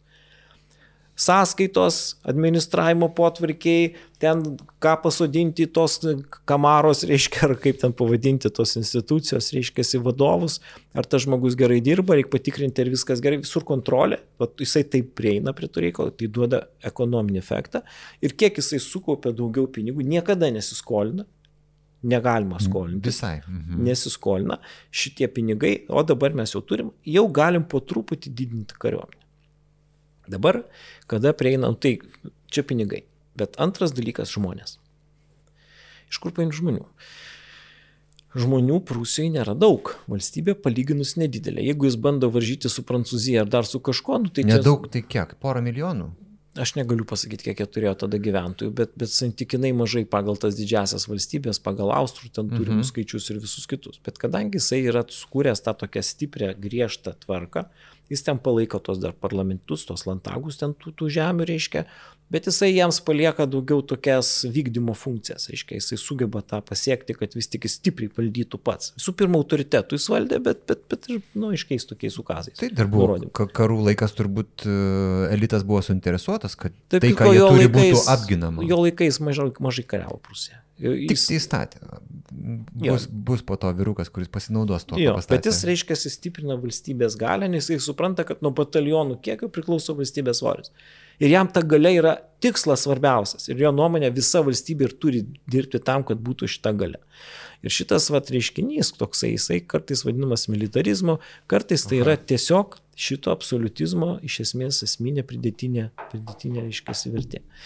Dabar ką jisai dar daro? Jam reikia kad ten būtų karininkų ir kad būtų kareivių. Dabar iš švedų ko jis pasimoko, kad problema yra, kada kariuomenė yra sudaryta sumišai iš bet ko. Jos vidinė motivacija yra maža ir jisai įveda vienas pirmųjų jo įvedimų, tai yra vadinamoji kantonų sistema. Nuo švedų nusižiūrėta. Čia nuo švedų nužiūrėtas principas, bet jis pritaikytas prie jų vietinės, reiškia, žemėvaldos ir kitų dalykų, kada visas kraštas padalinimas į tam tikras karinės apygardas ir ten formuojami pulkai. Vat pulkas turi savo formavimo regioną. Ir kadangi tas principas yra įgyvendinamas, tai gaunasi taip, kad, reiškia, jeigu kažkoks kareivis baigia tarnybą, ten žuvo sužeistas ar kas jam atsitiko, tai tada tas kraštas kaip ir pristato naują, naują karį. Iš tokių būdų, reiškia, jisai turi. Bet tai duoda didesnės pasiekmes gerokai negu vien karinį efektyvumą, Todėl, kad tie daliniai pradeda darytis regioniniai. Jie iš vieno krašto. Ir susidaro čia... sąlygos atsirasti lietuvių pulkam. Nes tam tikrose teritorijose dominuoja lietuviškai kalbantys žmonės ir tas netrukdo jam. Kadangi jų toj protestantiškoje, reiškia, valstybei, daugiatautiai iš esmės Prūsijai, tai yra joks minusas. Joks minusas, reiškia. Ir viskas gerai. Friedrichas II tą dar išsuks kaip reikia, bet jis pat pradeda tą kantonų sistemą. Kitas dalykas, ką jam reikia, iš kur paimti karininkų. Tai kariuomenė reikia karininkų, reikia daug. Jisai po truputį imasi bajorijos. Nes bajorija mūsų sampratoj dažnai lietuviškoje, kad jie ten tokie patys savo faini ir, ir, ir savo ten gyvena. Ir, ir didikai jie ten patys, o tai čia ne Prūsijos variantas. Jisai juos labai greitai padaro, kad kiekviena, kiekvienas Prūsijos Brandenburgo, visų pirma, Prūsijos ten turėjo daugiau kaip ir valdžios šiek tiek, e, reiškia, kiekvienas bajoras privalo atitarnauti 10 metų valstybei. Tai Petras, Gali ir ilgiau. Tai Petras nusižiūrės viską, ką jis padarys nuo Prūsų. Bando. Bando tą dalyką daryti. Bando. Petras pirmasis. Jo, bet ten Rusija nėra visai Prūsija ir ten tai nu, iš to išeina kai kurios problemos. Ir, ir nu kaip, gal, gal, gal Petras Saksonė pirmiausia kopijavo. Apie Petrą mes dar pakalbėsime, ne? Mūsų jo, mes dar, apie, dar jis bus. Jis dar bus. Bet reiškia, ką jis padaro. Ir tada kiekvieną, nu taip maždaug gyvena, nu, eilinis bajoras, ne? Tai jisai, reiškia, augina vaikus, vaikai yra ruošiami tarnauti karaliui, gyvena savo dvare. Ir kai ateina laikas, išeina kariau, dešimt metų atitarnauja. Ar tai būtų administracinė tarnyba, ar karo tarnyba, čia jau yra kaip, kaip kuris labiau linkęs.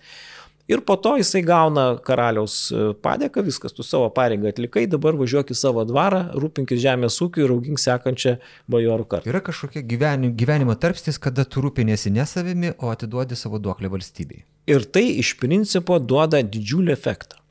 Iškia, vienas dalykas, tas luomas, jisai kaip ir įdarbinamas, jis nebeužsima jokiam revoliucijom, nes jisai su to karalium susijęs, kadangi karalius visur yra matosi, jisai dirba ir taip toliau, iš čia yra jo ryšys, iškia bajorai save tiesiogiai tapatina su karalium, jam tarnauja, fiziškai tas tarnavimas karaliui Prūsijoje yra visiškai tiesiogiai suvokiamas ir jis iš principo duoda valstybės tokį monolitą.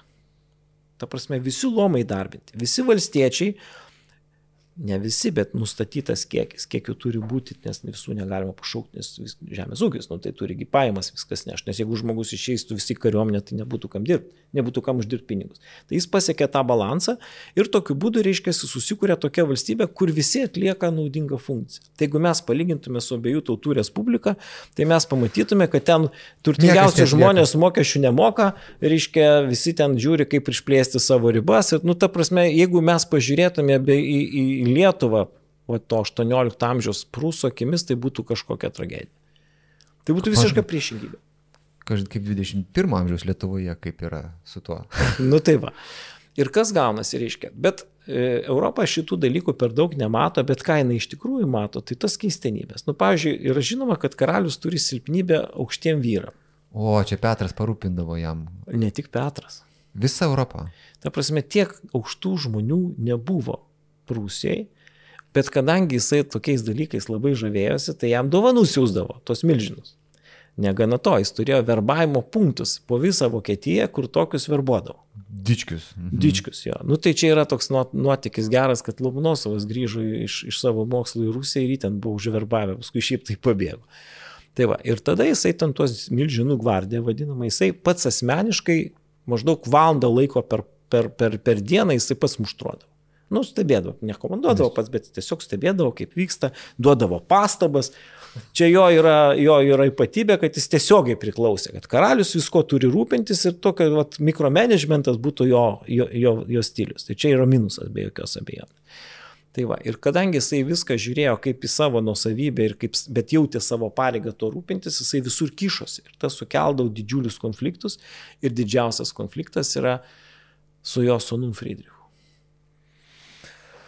Ten yra tokia baisi ta tokia istorija, kada Friedrichas e, susidraugavo su berniuku ir jie ten bandė, e, bandė išvažiuoti pabėgti, tėvas įsiaiškino, e, juos pagavo, nu, berniukas, tai, berniukui galvą. Tai tas berniukas buvo karininkas, jaunas karininkas, kuris, reiškia, na, kaip ir su, turėjo tokią asmenį ryšį, nes Friedrichas II kaip tuo metu buvo, reiškia, jisai sostų įbinės, jisai labai domėjosi kultūrą ir labai mėgo knygas. Ir jam tų knygų neduodavo tai jis ten slapta jas pirkdavo tas knygas. Ir va tas, tas berniukas arba realiai tas karininkas, kuris ten jį kaip ir prižiūrėjo, jį aprūpindavo tom knygom ir jis ten pasislėpęs po kaldrą skaitydavo, ta prasme. Štai jo pagrindinė kalba yra prancūzų, ne vokiečių. Jis tiesiog, tiesiog vat, prancūzų kalba jam labai imponavo, jis labai domėjosi kultūrą. Ir buvo toks didžiulis konfliktas, kad jis nusprendė pabėgti pabėgti iš savo karalystės. Tiek buvo ta valstybė, reiškia, jam atgrasi su savo tą prievartą ir su tais visais, kurie žiūri į viršų, vertikali visiškai sistema, kad jie bandė pabėgti, jos pagavo, Jos hmm. pagavo ir ką padarė, jį ten pasodino, reiškia, į, į kalėjimą, tas kalėjimas yra... Taip, liepė jam atgailauti ir bučiuoti tėvui kojas. Kitko čia, va, iš turizmo, reiškia, Kustrino senamestis, yra visiškai nugriautas po antro pasaulinio karo ir ten dabar kaip kokia Pompėja atrodo. Ir ten po truputėlį atstatinėja tos namus. Nu ten nežinau, kokioj dabar bus, nu, prieš keletą metų gal trys namai ten penki buvo. Ir ta vieta, kur jisai sėdėjo, tam, tas kalėjimas yra ten tipo, tie, tie, tie pamatai, nes ten sugriauta šiek tiek virš žemės. Tai iškia visi rusiai lygia, bet, bet viskas sulyginta. Čia po antro pasaulinio karo ir jį privertė per langą žiūrėti, ai tiesa, jisai buvo pasmerktas mirties bausmę gavo kaip dezertyras. Taip. Ir tokiu būdu, reiškia, jį turėjo sunaikinti. Nu, bet tai ten jau tie, reiškia, generolai, nu irgi suprato, kad tėvas visą gyvenimą gailėsis, nes sostų įpėdinį sunaikinti tai čia rimtas reikalas, nes jisai jį priversdavo Friedrichą karinės pareigas. Nu, ten kapitono laipsnį po truputį lipo. Nu tai pagal tą karo teisę turėjo su, su, sušaudyti, nu bet jie ten atkalbėjo, taip tada pasinaudojo tokią progą ir privertė jį per langą žiūrėti, kaip tam jo draugui, karininkui, kai jį tenai nužudo. Ir jam buvo baisus smūgis, jis pasėdėjo dar tam kalėjime šiek tiek ir paskui jisai... Čia yra psichologinis sulaužimas žmogaus. Baisu, čia yra traumas jos įtakos jo elgesius paskui. Ir galų galiai jisai sako, gerai, aš pasiduodu. Taip. Ir tada tėvas labai graužiasi dėl viso šitos istorijos. Nu, jis sąžinė irgi graužia, reiškia, kad, nu, gal jisai čia per griežtas buvo, gal jam tiek ten ką nors tą pasakė, galų gale dargi buvo ir moterų šalia gyvenime, ne vien vyrai. Ir vienu žodžiu jie susitarė taip, kad, vienu žodžiu, Friedrichas bus įpėdinis, darys, ką tėvas sako, rūpinsis valstybė, atliks ką reikalas, bet tėvas daugiau nesikiš jo tą visiškai vidinį gyvenimą ir, ir jam, jam parūpino, nu, kai jis apsiženio, vedė moterį, reiškia, davė atskirus tokius rūmus ir leido jam gyventi kaip jis nori. Nu, toks konsensusas buvo mhm. pasiektas. Mhm. Ir labai Europai visi tikėjosi, kad kada jau taps e, Friedrichas, reiškia, jau tuo, tuo, tuo tikruoju karalium ir sosto įpėdiniu, kai taps, o tai įvyko 1740 metais, kad pasikeis Prūsija iš esmės ir viskas bus normaliai. Paaiškėjo, kad ne. Reiškia, ten, kur kultūra taip, Bet ten, kur valstybės valdymas, jis tiesiogiai tęsė tėvo, tėvo, tėvo nubrėžtą kursą. Tai jis iš karto 40 metais, iš karto ten atsitiko ta trijų karalių mirtis, kai, kai, kai miršta Rusijoje Ana, kai miršta e, Austrijos kar, e, šitas. E, Karlas VI. Taip, ir jis tada iš karto supranta, kad dabar mano laikas smūgiuot. Dabar Taip. mano laikas smūgiuot. Tai va. Dabar, e, reiškia, kas yra su juo gerai, nors jisai labai yra, turi, turi daug problemų psichologinių. Tai tas mes daugiausiai žinom, reiškia, kad jisai ten šlubavo, nu, visi žinojo, kad šitą dalyką jisai turėjo. Bet jis turėjo problemą tokią, apie kurią iki galo neaišku, kas ten yra, bet jis turėjo problemų su, su veneriniam lygom. Kaip yra kalbama, pasigavo tą kalbą, tą, tą, tą lygą uh, Augusto stipriojo dvare. Ir kaž... Augustas pri, pri, prirodė ten kažką. Nu, ten matyti. Tas tai reiškia, prirodydavo. Nu, bet reikalas yra tas, kad jisai kažkokią turėjo lygą ir jisai neturėjo vaikų. Ir jisai moterim nesidomėjo, bet ir vyrais nelabai. Nu, kažkas vat su juo buvo. Aš tai manau, kad čia yra greičiausiai jisai buvo net nevaisingas, ar ką nors ten išpjovė, reiškia, čia yra toks iki galo neaiškus dalykas. Bet užtat turėjo kitur energijos tada. Jo, bet ta prasme, čia buvo problema, jis neturėjo įpėdinių. Ir paskui, reiškia, jau vėlesni Prūsijos valdovai nebus jo vaikai, o bus, bus, bus kiti. Nu ir šiaip ten tos karalienės buvo nelaimingos, nes jos irgi ten, nu viena ten buvo ta moteris. Tai vienu žodžiu jisai kaip ir gavosi ištekėjęs už valstybės. Va, tai čia... Augustas Viljamas yra brolis Friedricho? Jo, man atrodo, brolis. Mhm. Nu va, o dabar apie jį galima pasakyti keletą įdomių nu, dalykų. Nu, man atrodo, mes dabar jau čia apie jį rimtai čia pakalbėjome. Jo, nes kadangi reiškia tas e, tuo metu, kada jisai pavelsdė valstybę, e, Prūsijos kariuomenė yra 400 tūkstančių reguliarios kariuomenės. Tai yra jau daug. Paruošta, subalansuota. Jo, tai yra geras startas, e, kadangi jis tęsė tėvo politiką, reiškia, tai ten visi lojalūs, reiškia, tinka. Va tokiai vertikaliai valstybei toksai valdovas, kuris iš esmės nekeičia, tęsė pradėtą kursą, jam tinka jie reiškia priima, jisai jau turi tą paruoštą kariuomenę.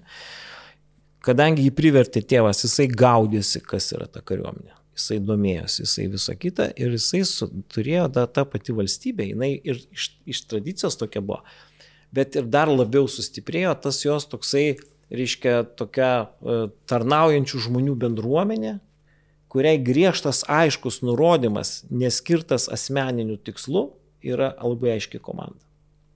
Čia turi įtakos Prūsijos, e, ypatingai Prūsijos ir, ir, ir, ir Brandenburgo geografiniai padėčiai, jie yra į rytus nuo Elbės, reiškia, čia yra baudžiava. Baudžiava yra kaip santvarka.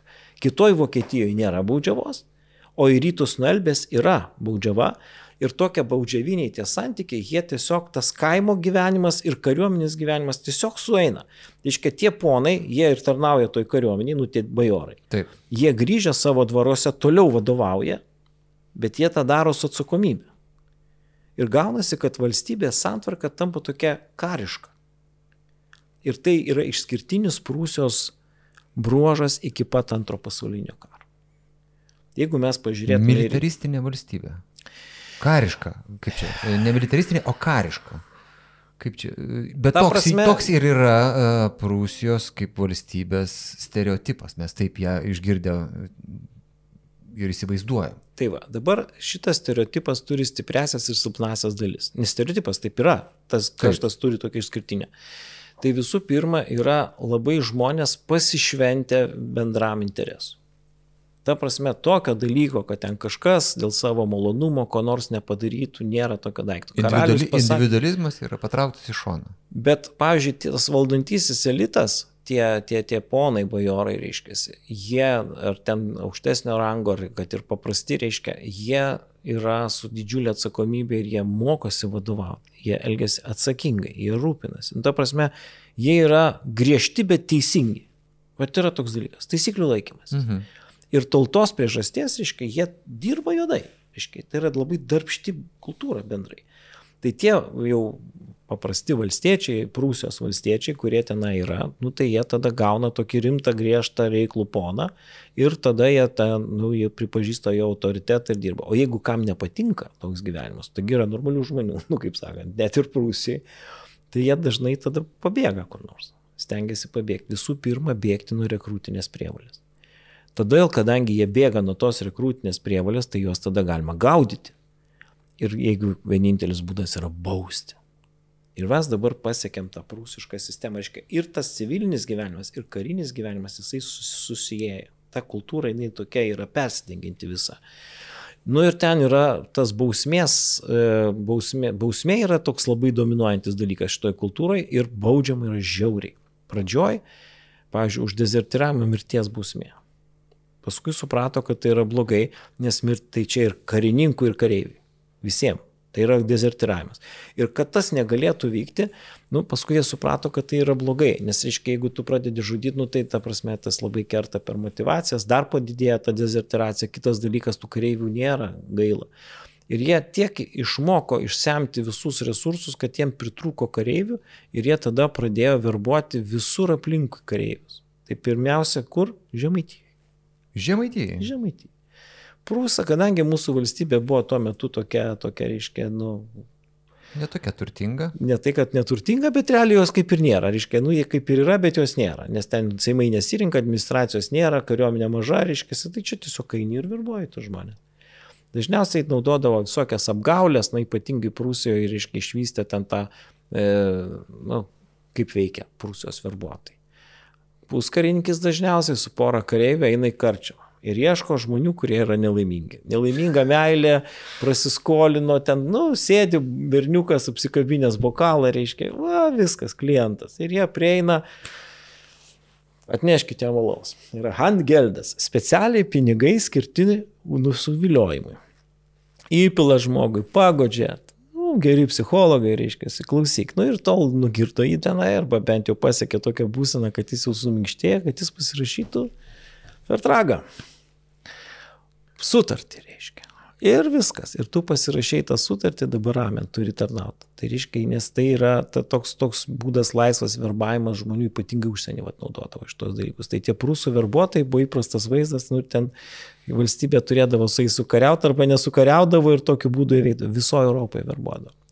Bet aš pasakysiu skaičius, kurie turbūt nustebins. Jeigu jisai paveldė 40 tūkstančių žmonių kariuomenė, gyvenimo pabaigoje paliko 200 tūkstančių. Friedrichas. 200 tūkstančių iš šitos mažytės Prūsijos. Iš Tai kur to? keletas tūkstančių yra tarp jų žemaičių. Tai 50 procentų Prūsijos kariuomenės yra ne tos valstybės piliečiai iš viso. Tiesiog per prievartą visokiais būdais sumobilizuoti reiškia, o jau, tu jau pabėgti iš jos yra be galo sudėtinga ir tokiu būdu jie laiko. Bet tai yra, tai va, tai čia yra toks skaičius ir dabar, kadangi tuos karininkus jie tenai gerai ruošia, Friedrichas sako, kartoja iš esmės Friedricho Vilhelmo I, kad kiekvieno karininko, o net ir generolų užduotis tiksliai gyvendyti karaliaus valią. Jokios iniciatyvos. Va tau pasakė ir tu taip turi daryti. Tai yra mums labai neprimtina kultūra. Bet va, būtent taip jie elgia. Vokiška sistema primena rusišką. Ar- Prūsiška. Čia jau Prūsiška sistema. Čia jau prūsiška. prūsiška. Nes vokiška tai čia paskui taps Vokietija, bet ir tai Vokietija niekada nepripažino Prūsės ir jos visi nekesdavo. Žiauriai nekenčia Prūsų. Visa Vokietija. Bavarai ypatingai, bet ir visur kitur, man gal jau pasakau, kad Taip, praeitoje serijoje. Jo, tai va, tai šitas dalykas, reiškia, susikūrė ta sistema. Dabar kaip viskas pagrįsta. Dabar apie tą Friedrichą II mes galim truputėlį daugiau pasakyti, kaip tai atsispindi, aš taip jisai atrodo, šlubas karalius, tas žodis pasakymas, kad reikia tų šlubo vokiečių, čia apie jį eina kalba konkrečiai.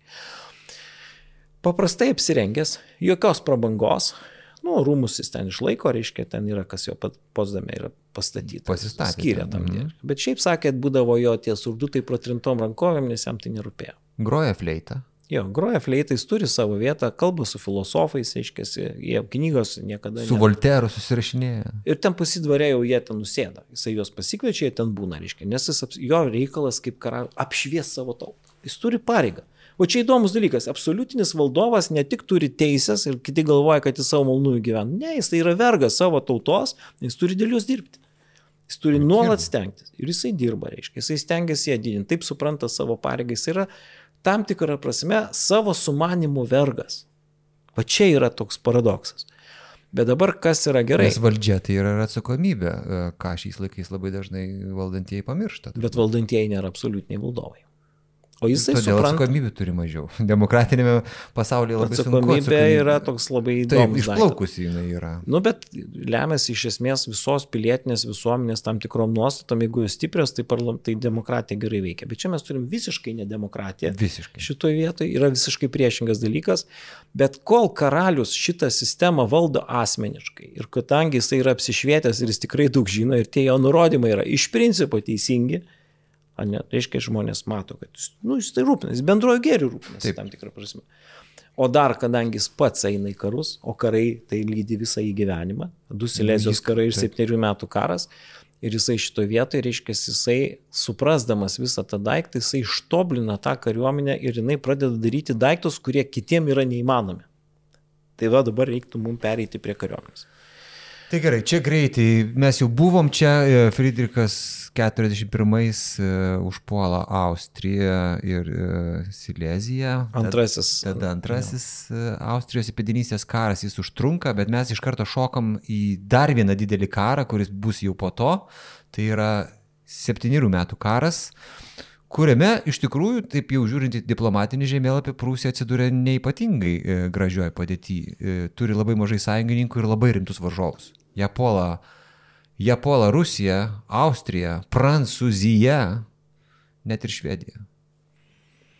Tai va, tai priešų turi Prūsija daug. Čia va, Resursus jie turi labai ribotus, reiškia, jie neturi pinigų, Britanija duoda pinigų jiems. Tai vad, juos turbūt išgelbėjo tai, kad ang, anglai stoja į jų pusę. Nu, jau. anglai stoja į jų pusę dėl to paties jėgų balansų išlaikymo. Na nu, ir dėl to, kad jie konkuruoja su prancūzais. Tai jeigu prancūzai reiškia puola Prūsiją, nu, tai tada jie pasistengs paremti priešingą. Tai čia jų yra stiprioji pusė.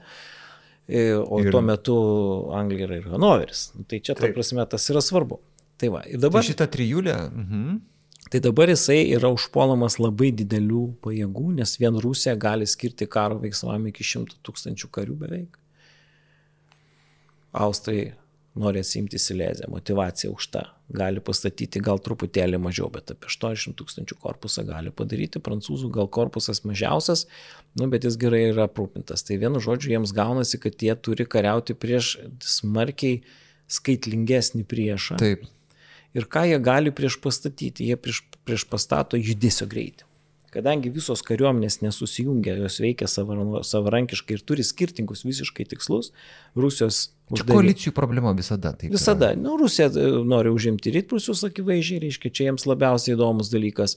Jiems reikia paimti Klaipadą, jiems reikia paimti Karaliaučių, geriausiu atveju, reiškia, Berliną su Potsdamu. Bet jie praktiškai tą viską ir padarys. Jo, bet e, prancūzų, reiškia, uždavinys yra gal labiau paimti tas teritorijas, kurios, reiškia, yra tos, tos salos ten išmėtytos, kur arčiau Prancūzijos, nes jie nori to į Vokietiją įsitvirtinti ir ten turėti savo atramos kažkokius tai punktus, tai jie ten dalyvauja, nu, Austrai kariauja dėl Silezijos. Ir ką tada daryti? Ir tada Friedrichas sako, tada reikia sumušti juos dalimis. Tai yra palikus kažkokius tai stebėjimo ten padalinius kažkokius, sukoncentruoti kariuomenę, ateiti, stoti generalinį mūšį ir tada eiti pas kitus ir vėl juos sumušti ir vėl sumušti. Tai čia yra... po vieną atskirai. Ir mes keliaujame į vieną iš didžiausių ir svarbiausių šito karo. Bet mums mūšį. dabar, mūšis dar prieš mūšį mes turim pasakyti, kur yra Prūsijos kariuomenės privalumai. Iškia, Prūsijos kariuomenės per du metus iš kareivio reikia padaryti karo mašiną. Jis turi būti taip ištreniruotas, išdresiruotas, žodis iš ten. Išdresiruotas. Išdresiruotas. Mhm. Išmuštruotas, išdresiruotas, kuris reiškia, nes, pavyzdžiui, kas yra muštras, nuo muster pavyzdys. Kareivis turi atitikti tam tikrą apibriežtą, dėl to jo tokia apranga. Jisai turi vienodas būti su vienodam kasytė. Mes jau truputėlį kalbėjom apie, apie austrų kariuomenę, tai iš tai iki beprotybės priveda. Tai reiškia, jie tiesiog turi būti vienodi, absoliučiai. Ir jie turi taip būti išdresiruoti, kad, reiškia, jie galėtų padaryti tokius daiktus, nu, kur žmogui protų su, sunku suvokti. Nu, pavyzdžiui, šaudimo greitis, ne, lygiavamdžių šautuvų epochoje, flintų yra esminis dalykas. Tai jeigu ten kiti šaudo vieną šūvį per minutę panašiai, nu, ten maksimum pusantro, Prūsijos kariuomenė šaudo tris kartus per minutę. Tris kartus per minutę. Ir visi ten daro. Viską. O puskarininkiai yra penkis kartus. Tai yra, na jau čia buvo jau super tie, tie, tie kariai, reiškia. Nu, tai čia, čia, matyt, varžybose parodė tokį rezultatą. Bet, reiškia, ir to, to jos, kaip dabar Lietuvos kariuomenė sako, drožė, ne to jos drožė, kol jie tą padarys. Jie gali padaryti ne tik posūkį kairien dešinien tiesiai aplink, jie gali pusiau dešinien, pusiau kairien ir visą tą, tuos posūkius padaryti padalinio sudėti.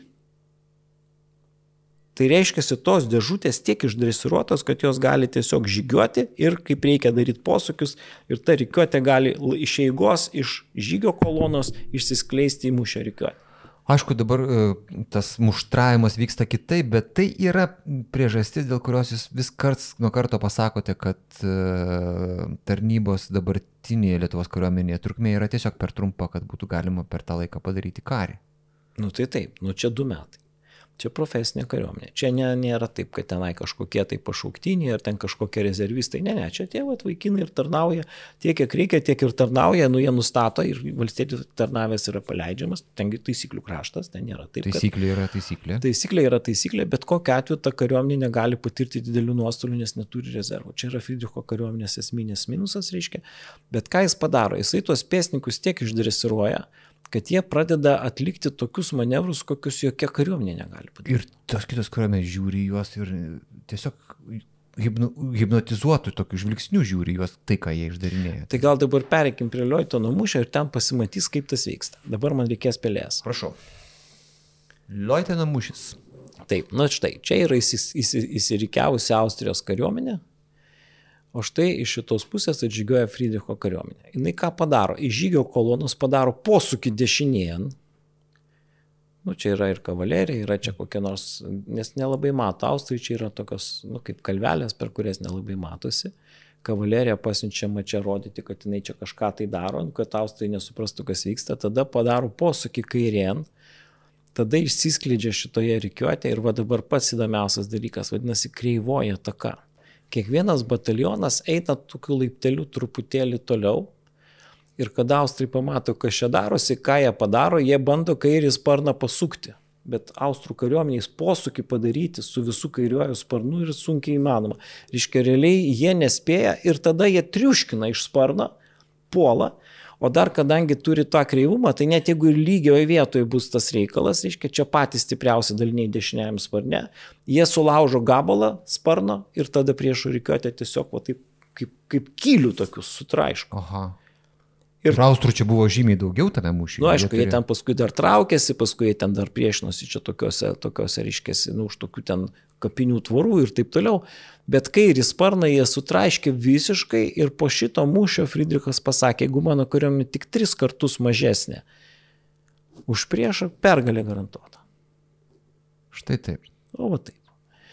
Ir aišku, kad po šito, po šito mūšio ir, ir, ir šiaip po viso to karo visi puolė bandyti kurti prūsiškus metodus ir kopijuoti, įskaitant mūsų kariuomenę. Mūsų kariuomenė nusprendžia nuo saksoniškos sistemos, kurią turėjome mes dėl to, kad karaliai buvo saksai pas mus. Aha.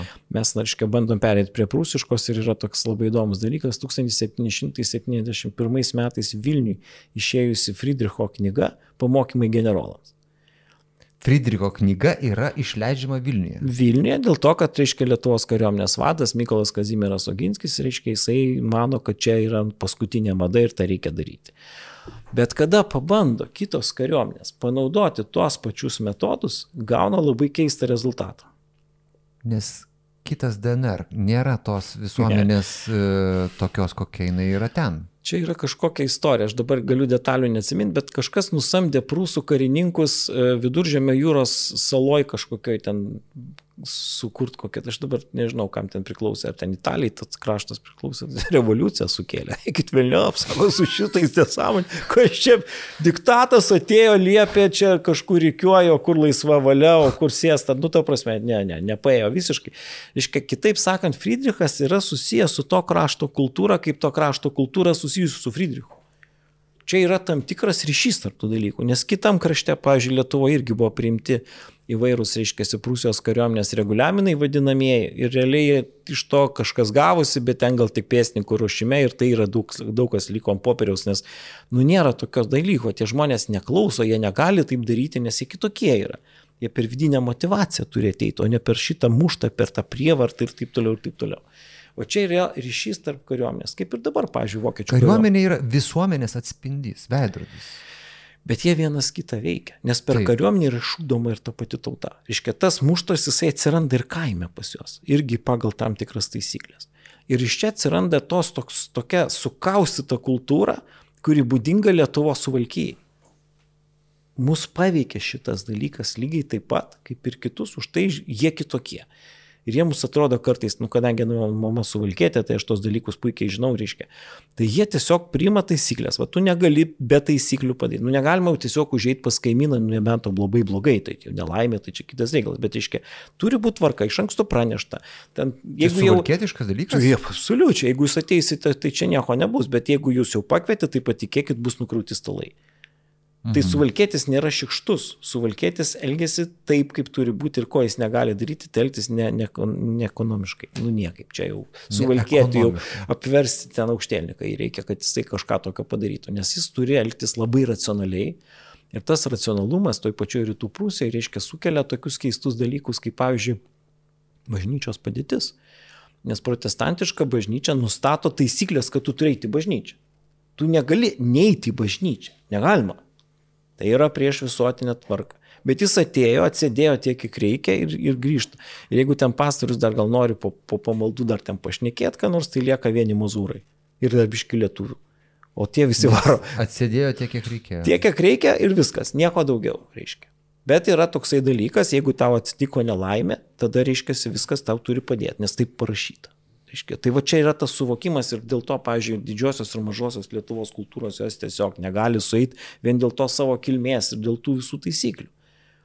Bet kita vertus, reiškia, tai yra, nu, tai, tai už tai ten tokios upės prižiūrimos, už tai statomi visokie šliuzai, dėl to ten, reiškia, ta valstybė tvarkoma yra ir tai jinai, jinai ir turi tos jėgos, bet militariškai yra labai sunku jos veikti, nes jie yra geri kariautai. Nu, jie iš tikrųjų pademonstravo čia šitame didelėme kare. Tas karas reikėtų turbūt priminti, kad yra laikomas tokiu pirmoju tikrų pasauliniu karu. Nu jo, nes vyko dar Amerikoje. Vyko ten didžiulėse teritorijose, bet net jeigu žiūrėtumėm tik tais į Europą, tikrai Prūsija, Brandenburgas turėjo labai rimtų varžovų. Gerai, apgynė jie e, Sileziją įveikdami e, Austrijos kariuomenę, bet, e, pavyzdžiui, Rusija, taigi reikėtų pasakyti, kad nužygiavo ir per rytprūsius nužygiavo praktiškai iki Berlyno ir ten... E...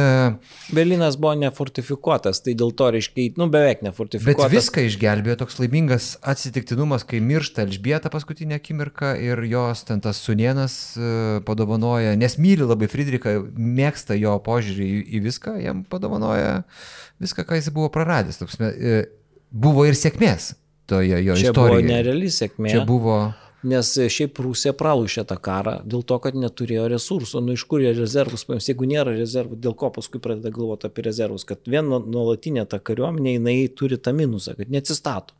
Nes ten įvyko jau to karo, reiškia, gal antroji pusė labiau arba vidury, įvyko du labai baisus mūšiai, tai yra Kunesdorfo ir Zorndorfo mūšiai.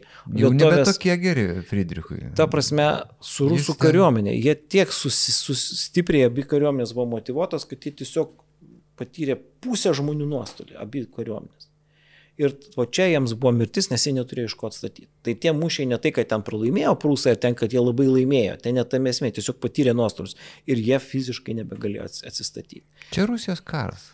Ir, nu, Rusijos karas, bet ta prasme tai buvo tas toksai, va šitos linijinės reikiuotės, reiškia, toksai minusas, kad jinai yra labai kieta, e, ta, ta reikiuotė, jinai turi labai daug šaunamosios galios, nes labai mažas gilis linijai taktikoje ir didelis plotis, tokiais ilgais, ilgom tokiom eilėm, dviem linijom eidavo tik tai.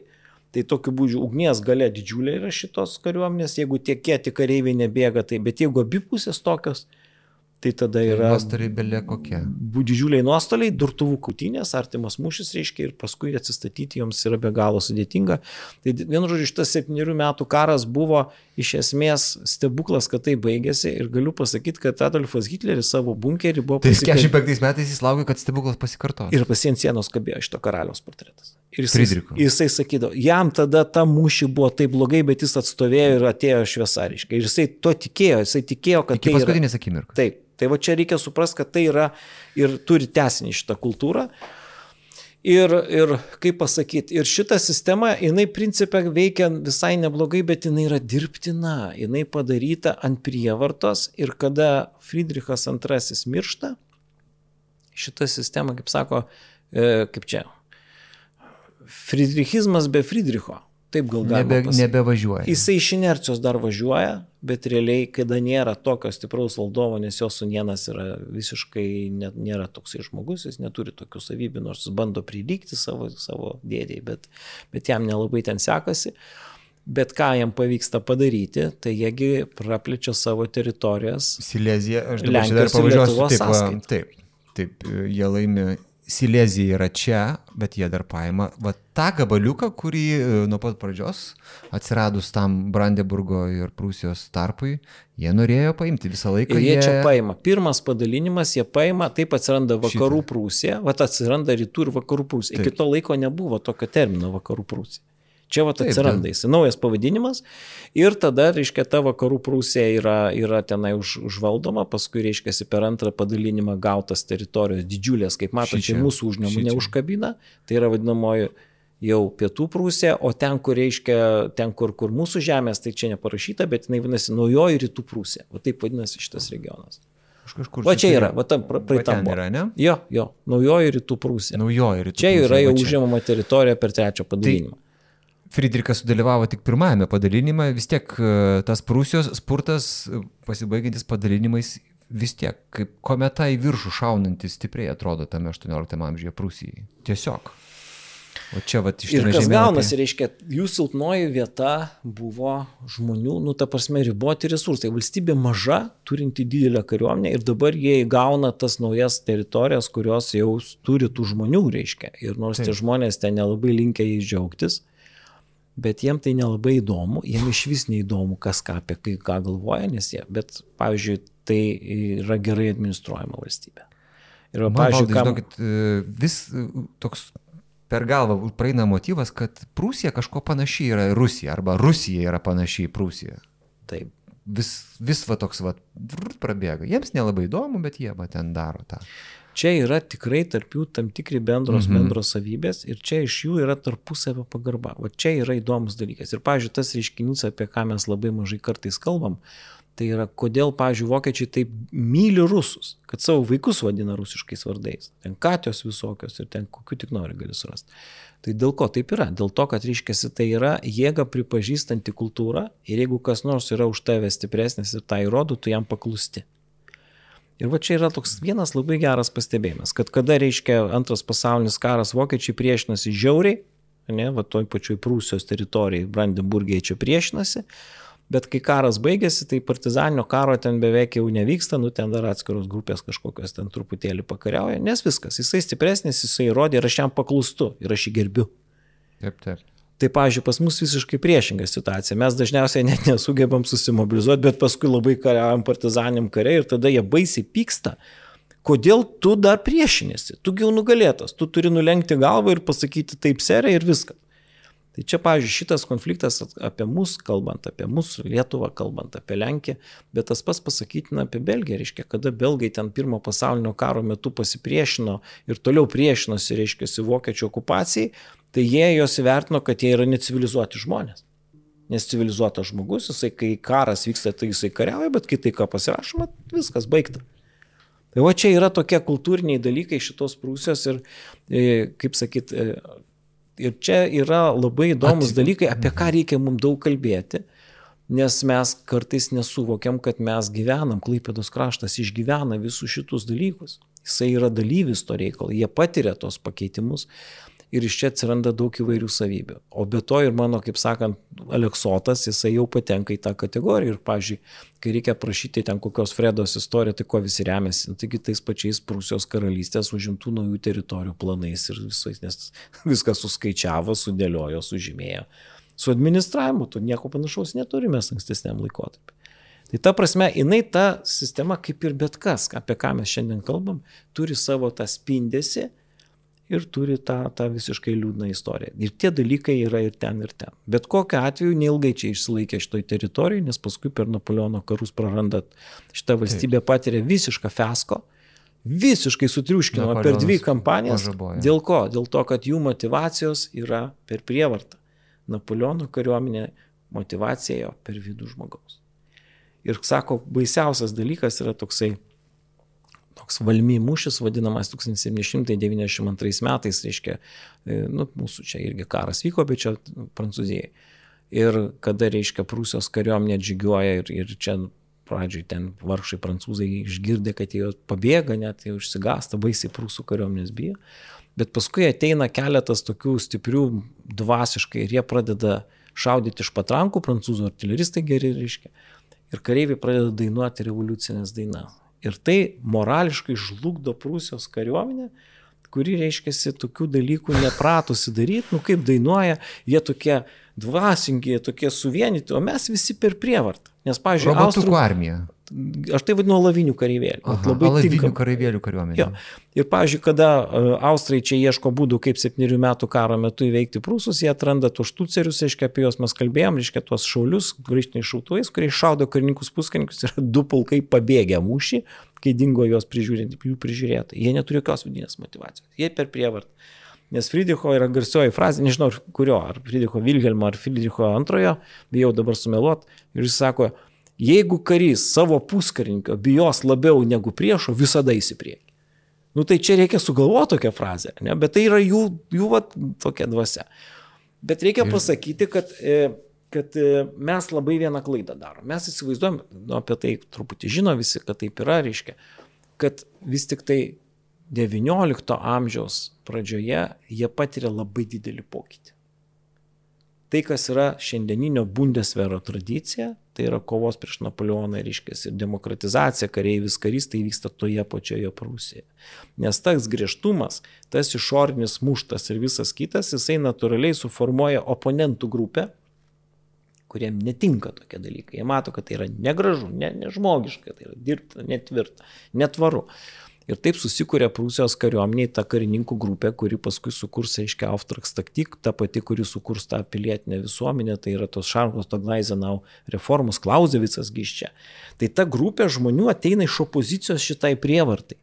Bet Hitleris vis tiek bandys e, tą prūsišką militarizmą irgi inkorporuoti į tą Vokietijos naująją tradiciją, sujungti tas dvi e, e, naujos ir va tos prūsiškos e, tradicijos e, skirtumus į vieną kažkokį Vermachtą. Na, čia būtų galima ginčytis, žinokit, dėl to. Aš tai manau, kad jisai labai panaudojo ir tą demokratinę, ir tą, tą, tą sakykime, tokią tautinės kariuomenės dvasę. Ten, ten, ten yra ir, ir tų vėlyvųjų laikotarpių dalykas. Jis buvo pagarbus generolams. Aš manyčiau, kad čia dažnai priešai labai mėgsta prilipinti, nes visiems yra atgrasus tas, tas, tas, ta prievarta, tas, tas muštras mm ir visa kita.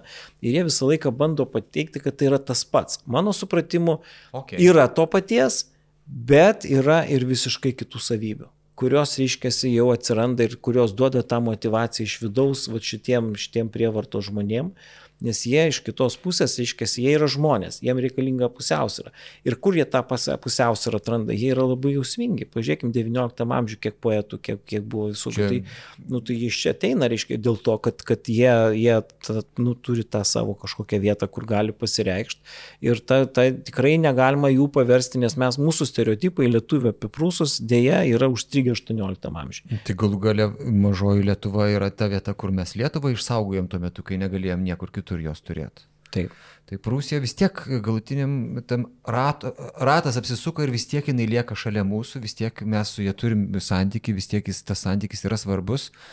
Tik aš dabar žiūrėdamas į tą žemėlapį galvoju, valdai, kad tos dvi serijos pas, pastarosios tarpusavėje susijusios dėl to, kad prieš tai jūs pasakojote apie Šventosios Romos imperiją ir apie tai, kad Austrai norėtų vadovauti ir nešti jos vėliavą, o dabar mes turim tokį e, pleištą iš visiškai kitos pusės, kuris prasidėjo nuo gražaus imperatoriaus leidimo karnuotis Prūsijos karaliumi ir tas pleištas baigsis, e, nu gerai, jie, na, jie pralaimėjo Napoleonui, bet Napoleonas bus nugalėtas ir, ir Europą sugražins Vokietijai e, konfederacijų teisę ir tai konfederacijoje jau vadovaus Prūsija.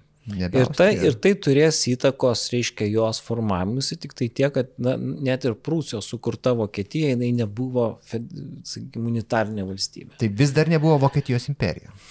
Net jeigu jinai pasivadino tą imperiją, tai ta imperija jinai dar taip iki galo neteko, netapo, nes, pavyzdžiui, iki pat pirmo pasaulinio karo nebuvo Vokietijos kariuomenės. Vokietijos kariuomenės darė keturios skirtingos kariuomenės. Nes jie suprato, kad jeigu jie bandys prūsišką modelį primesti visiems, tai nieko gero neduos. Ir jie tada buvo kompromisų meistrai ir, pavyzdžiui, tom visom valdančiom dinastijom, kurios ten turėjo, jom netgi pakėlė statusą, Bavarija avansavo į karalystę ir, ir jie ten valdė visai, visai rimtus dalykus. Ta prasme, čia ta, jau kai kalbėsim apie Vokietijos imperijos formavimąsi, bet tai turbūt net ne mūsų ciklo sudėtinės, mes kalbame apie absolutizmą. Ech. Jo, bet jeigu kada nors tai bus, tai reiškia mes turime suvokti, kad ta kultūra, tas absolutizmas prūsiškasis yra labai svarbus elementas ir jisai yra, kaip visi mėgsta, labai vokiškas, Nesakyčiau, čia būtų labai rytietiškas variantas. Ir vat jeigu mes kalbėsim dabar apie Rusiją, mes matysim, kad tai yra to rytietiško arba rytų Europos tokio, reiškia, tokio, tokios kultūros forma, kuri paremta ne tik tai tradiciniam struktūrom, bet ir paremta labai stipria absoliutinė karaliaus valdžia. Puikiai. Nuostabi serija valdai buvo. Čia ir dedam prūsišką tašką. Ačiū Jums labai. Punkt. Punkt. Thank you.